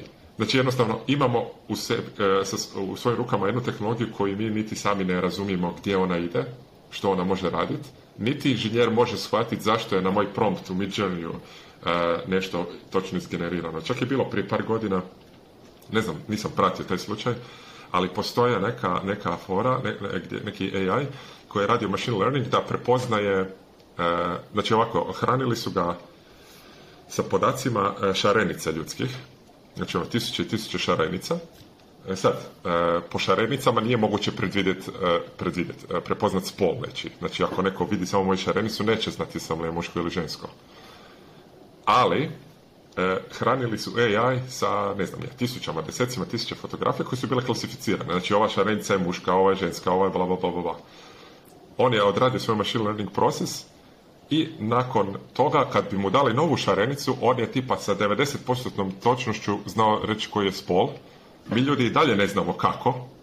Znači, ti možeš razumjeti kako je napisan machine learning algoritam, kako funkcioniraju oni individualni neuroni. Znači, oni funkcioniraju na vjerojatnost, pa se najveća vjerojatnost propagira dalje, pa ovisno o tome je li e, model e, ovaj, pogodio ili pogriješio vjerojatnost, onda ima feedback, ono gdje se u nas, znači ona ima feedback loop, ali šta se desilo tu? Kako on zna prepoznat po šarenici da je ovo muška šarenica, to mi ne znamo. I to, to je moj... Evo, reći, strah, moja briga da imamo nešto u rukama što ni sami ne razumijemo, a što je toliko kompleksno da se, se počela, da se počelo stvarati nekakve forme u sebi koje nismo mogli predvidjeti. Za razliku od fotoaparata. Eto. Da. Možda sam ukrivo, ali to je to. da, mislim da ovo za, za, šarenice, e, mislim, to mi se čini kao isto ono, kao u biti e, mi, kako bi rekao, ne znamo kako e, plazma, zašto se ona tako, ono, tako izgleda kad se, ono, e, da, da, da, ali plazmo je stvorio Bog, a mi smo stvorili AI. Znači, zato kažem babilonska kola. Mi smo stvorili nešto što je veće od nas i što ne razumijemo. da, ali opet, e, ako ćeš gledat, e, ako je e, plazma je stvorio Bog, mi smo stvorili AI, a nas je stvorio Bog. Znači da posebno je i nas i AI. Da, ali onda ulaziš argument da mi imamo slobodnu volju. Nama je Bog dao slobodnu volju da ne, da ne gradimo kulu babilonsku. Da mi biramo između dobra i zla. E, e, znaš, sad je ovo duboko ezoteričan argument. Ali, mi trebamo znati koje su naše granice. To jest, sami si ih trebamo postaviti. To je kao nekakva ideja. Ali kažem, pitao si me pa ti odgovaram, znam da moj argument je e, pa, malo... Ja sam, ja sam recimo tu priču o ono, Babilonskoj kuli, ja sam je slušao od jednog rebaja ovoga što sam ti poslao, Daniel Lapin, koja je u biti Nimrod kao Nimrod i Abraham, ali on je recimo to eh, ispričao kroz prizmu eh, koja je u biti relevantna eh, danas, a to ti je ono da je zapravo Nimrod i Babilonska kula bila, ajmo reći, kao manifestacija ovoga ko socijalizma, komunizma, znači da centralno upravljenog društva, da imaš jedan koji kaže sad će biti to tako i sve, svi će raditi po tome kako ja kažem, jel, gradit ćemo tu kulu i ovaj, i ono, i kao taj, imaš taj, taj, taj bricks, not stones, znači ono da kao gradimo od tih jednoličnih ono, cigli, tu veliku kulu, dok je ono Abraham kao taj, taj ajmo reći, arhetip koji je na drugoj strani, kaže da je ono, svaki čovjek je u biti individualan, ima svoju individualnu E, individualnost, ne, e, i, ovaj, i on je ono, kao što je kamen, ono, kamen svaki je različit, e, ne, a mi smo ovdje unificiramo briks, unificiramo cigle i gradimo babilonsku kulu, ali to je više po meni bilo, drob, opet sad, sad ima različitih interpretacija te priče, ali kažem, ona koja je meni najviše zakačila i u biti da je to više stvar toga da mi, da ljudi imaju tu inklinaciju, taj evil inclination, taj, taj mali džavo u nama koji bi htio e, urediti društvo po toj da smo svi jednaki, da smo svi, da, da, da, da je sve uniformno i da je sve savršeno, ne, u smislu e, da bi mi htjeli na neki način čak zapravo nametnuti tu, tu želju, tu volju da bude sve perfect, na druge ljude. I da je to taj, to je taj nimrod kao spirit koji, koji, koji svaki čovjek ima i kojega bi bilo dobro, mislim opet na, na izvore volju svakome, ali bi bilo dobro njega prevladavati, jer on je loš sam po sebi. Ja znam da sam prije isto imao uh, inklinaciju da, ajmo reći, ja bih htio da je ovo sve oko nas da je drugačije i da je bolje i ja bi to drugačije i bolje napravio je takako i po, po cijenu toga da se prisili ljude da budu bolji, da je to dobro. Ne? Znači, to je taj idealistički nekakav ono, komunizam, jer ono bio e, i, danas imaš ljude koji vjeruju u to da je to ono, da ideja da neko ima privatno vlasništvo, da to nije dobro. Nego da je dobro da je sve, sve naše, i svakome po zasluzi, svakom po, po, po kako se to, kako ne, šta su već maksime. A to je, to je, tako sam ja shvatio Babilonsku kulu. E, tehnološki, što se tiče pitanja tehnologije generalno, ono što sam ono, čuo iz tih, e, opet iz tih rabaj e, interpretacija, konkretno, e, ideja da čovjek može i da je dobro da, da koristi tehnologiju, je u ovoj toj judeo-kršćanskoj nekakvoj paradigmi je zapravo pozitivna. Znači, ono, kad je Bog potjerao Adama i Evu iz Edenskog vrta, dao im je vatru da koriste kao, kao tehnologiju. Dok recimo u Grčkoj, mislim da smo čak o tome pričali, u onoj Grčkoj... I odjeću, i odjeću. I odjeću, da. Znači, u grčkoj mitologiji, koja, ajmo reći, na neki način kao suprotna, suprotno stoji, je ideja da je čovjek je kao, ko je ovaj, ukrao je vatru bogovima pa je dobio kaznu, Prometej, ne, dobio je kaznu da ga ovaj, svaku noć da mu ona ptica poždere iznutrice, one mu izrastu opet i onda svaki dan ono je u patnji iz dovijeka, zato što je, a vatra je tu i u jednoj i u drugoj priči je simbol tehnologije, jer ono vatra ne, ne za razliku od čovjeka, znači nijedna životinja ne, ne, ne, igra, ne igra se sva, ne, ne, nije ovladala vatrom. Znači, kad životinja vidi vatru, hvati šturu. A čovjek isto može pobjeći od vatre, ali čovjek isto tako može s vatrom ovladat tom silom uh, vatrenom. I sad je to sad opet pitanje, naravno, iz aspekta šta čovjek radi kao sa, sa svojom slobodnom voljom i slobodom i odgovornosti koju ima, da, ja se, zapravo se slažem s tobom da je možda ova tehnologija je ono e, visoka, možda da li je previsoka ili ne previsoka, nemamo mi tu baš puno opet, e, ona je tu, ali ovaj, isto recimo neko će reći, čovječe kad naprave ono nuklearnu fuziju, ono i to, šta ćemo onda tek, ono, čovjek će ono doslovno blow upat sam sebe. Ali imamo tu progresiju tehnološkog razvoja i imamo sve moćnu tehnologiju koju opet e, i dalje imamo istu ono, isti onaj konandrum, da li s njom radimo dobro ili zlo, ali ja mislim isto tako da se čovječanstvo kao, kao ukupnost, kao svi ljudi, kao taj broj generacija koji je iza nas, da kumulativno ima razvoj u smjeru bolje, više, više svijesti mislim da mi ne idemo, da ne progresiramo u, u, u lošije stanje. Iako nam se možda čini danas kad ti gledaš ono, ako biš se samo izolirao, to isto jučer pokazivo, Marini, ono, ti pa imaš sad ono YouTube Kids, neko je napravio YouTube Kids account i onda te ono, samo kad otvoriš to i ideš e, kao dijete ono gledati YouTube, ti ćeš vidjeti e, servirano ti je tamo masa tih e, ono LGBTQ, transgenderi, drag queenovi, ovako, sve oko prilagođeno za djecu od, ne znam, 8 do, do, 9 godina ili 4 do, do, do, 7 godina, ono. krcato, krcato tih, ono, bullshita teških. Ali, neko će reći sad, da, to je ono, mi idemo u apokaliptično ono, doba sad, jesmo, idemo ono, u Final Final Flood ili nemam pojma šta.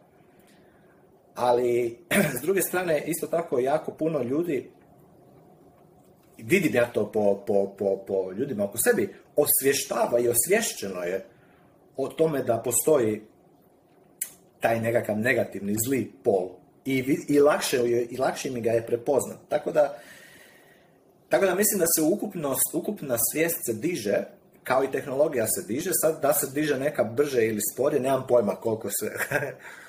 da li, ali... Vidi, to, to što si rekao, s tim vatrama, e, e, na kraju krajeva, e, Lucifer, koje je ime koje je kasnije dodano, Lucifer znači ono ime za Veneru i prvo svjetlo koje se desi prije zore i svjetlonoša i to je očiti, očita transportacija prometejskog mira iz, mita iz Grčke ali opet možemo to uzeti sve kao stvar do balansa. Znači, tehnologija je naravno dobra, e, govoriti protiv tehnologije je ono beskorisno. E, ali se radi o tome da je to vatra, a ti si već dao primjer, ti si dao primjer sa strujem kad si pričao o Bitcoinu. Ne, nije da ne treba koristiti vatru, ali se tako nećeš zato što je vatra dobra skočiti u vatru, jer ćeš izgoriti i umrijeti. Znači, ja mislim da, da ja, ja ne govorim da... Ti misliš mi, ne koristimo dobro ovu novu tehnologiju Generative 3D pa ne znam koristimo. Ono. ja sam na kraju krajeva isto jedan od ljudi koji je koristi jer želim znati o tome. Ali e, ja mislim da samo radimo malo drugčiji argument. Znači tvoj argument je vjerojatno više progresivan, a moj je malo više konzervativan u smislu tog tehnološkog e, tehnološkog, ali, ali u, načelu opet da se vratim na ono što smo prije pričali, ja to ne mogu zaustaviti, niti imam moć, niti opet želja nije ni bitna tu. Eh. Ne, ja, ja, radim argument ne, ne progresivan za tehnologiju, nego ja kažem samo da je tehnologija neutralno, neutralno nešto. Da, kako je mi koristimo, da je to ono što je, što je daje dobru ili lošu da, točno, točno. točno. Ja mislim da Vatra je neutralna, ne? tehnologija dobra ili loša tehnologija, moralno, u moralnom smislu. E, jer, Dobro, ali, pa- ali, ali ima ljudi koji kažu inherentno tehnologija je nemoralna. Recimo, znam, znam, ali to... Ljudi koji ne, to ne žele uopće, recimo, ima bilo kakav uređaj koji je spojen na internet, znam, znam. jer je jednostavno sam po sebi je to on to prozor u ali... svijet. Što je. Mislim, je na neki, ne, neko ne, e, ne, ne, razumijemo se, da, samo što... Da Mislim da je to samo ta neka distinkcija. Kažem, ja sam dosta o toj teoriji kompleksnosti ušao duboko u to, pa mi je to bilo super interesantno, to mi je onako bilo mentalni, mentalni, ono, mind-blowing iskustvo, ali samo zato, zbog tog shvaćanja te ideje computational reducibility, da neke jednostavno stvari u ovom svemiru, a neke teorije kažu da većinu stvari u ovom svemiru ne možemo modelirati, predvidjeti, E, i, i, samo zato, samo zato je kao ta neka ideja, ne znam ja, opreza, e, ne u smislu ajmo zaustaviti AI i zabraniti ga, jer očito je to ono besmislen prijedlog, nego ha mislim, opet ne mogu ja nikog pozvati na ništa. E, nisam ja neko ko će nekome u, u ono, Silicijskoj dolini reći ej, uspori malo taj AI development. Ne, to je opet ono finger wagging protiv kojeg sam prije govorio da oko Bitcoina na ordinalsima, šta ću ja sad svoj, svoj glas, koliko god bio mali ili velik, dati nekom da nešto radi ili ne radi, ne. E, e, ja prihvaćam da je to jednostavno dio stvarnosti u kojoj, živimo. Nadam se da će sve biti dobro na kraju. Živim, živim život kao da hoće. Ono, optimistično. Ne želim sad ja tu neke dumerske spike. Eh, ali eto, opet, pita si me zašto, zašto eh, bih radije da nema AI-a, pa to je neki razlog, ali prihvaćam da je AI tu, da to je jako brz development. Eh, recimo, smatram da je chat GPT, ovaj tekstualni AI,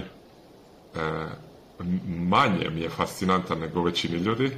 Kako vidiš, kako kod tih nekih kao banalnih pravila ti počneš vidjeti svoj stvarnosti koji znaš da ne postoji, ali jednostavno možeš vidjeti ono kao kako se individualni organizmi rađaju i umiru kroz vrijeme, ali ti znaš da to nije to. Ti znaš da su to samo ono, fucking crne i bijele e, kvadratići koji znaš koja pravila slijede, ali ne možeš si pomoć, a da ne vidiš entitete koji ne... Znaš, ono, način na koji mi vidimo stvarnost je jako, jako specifično usko vezan za naše iskustvo.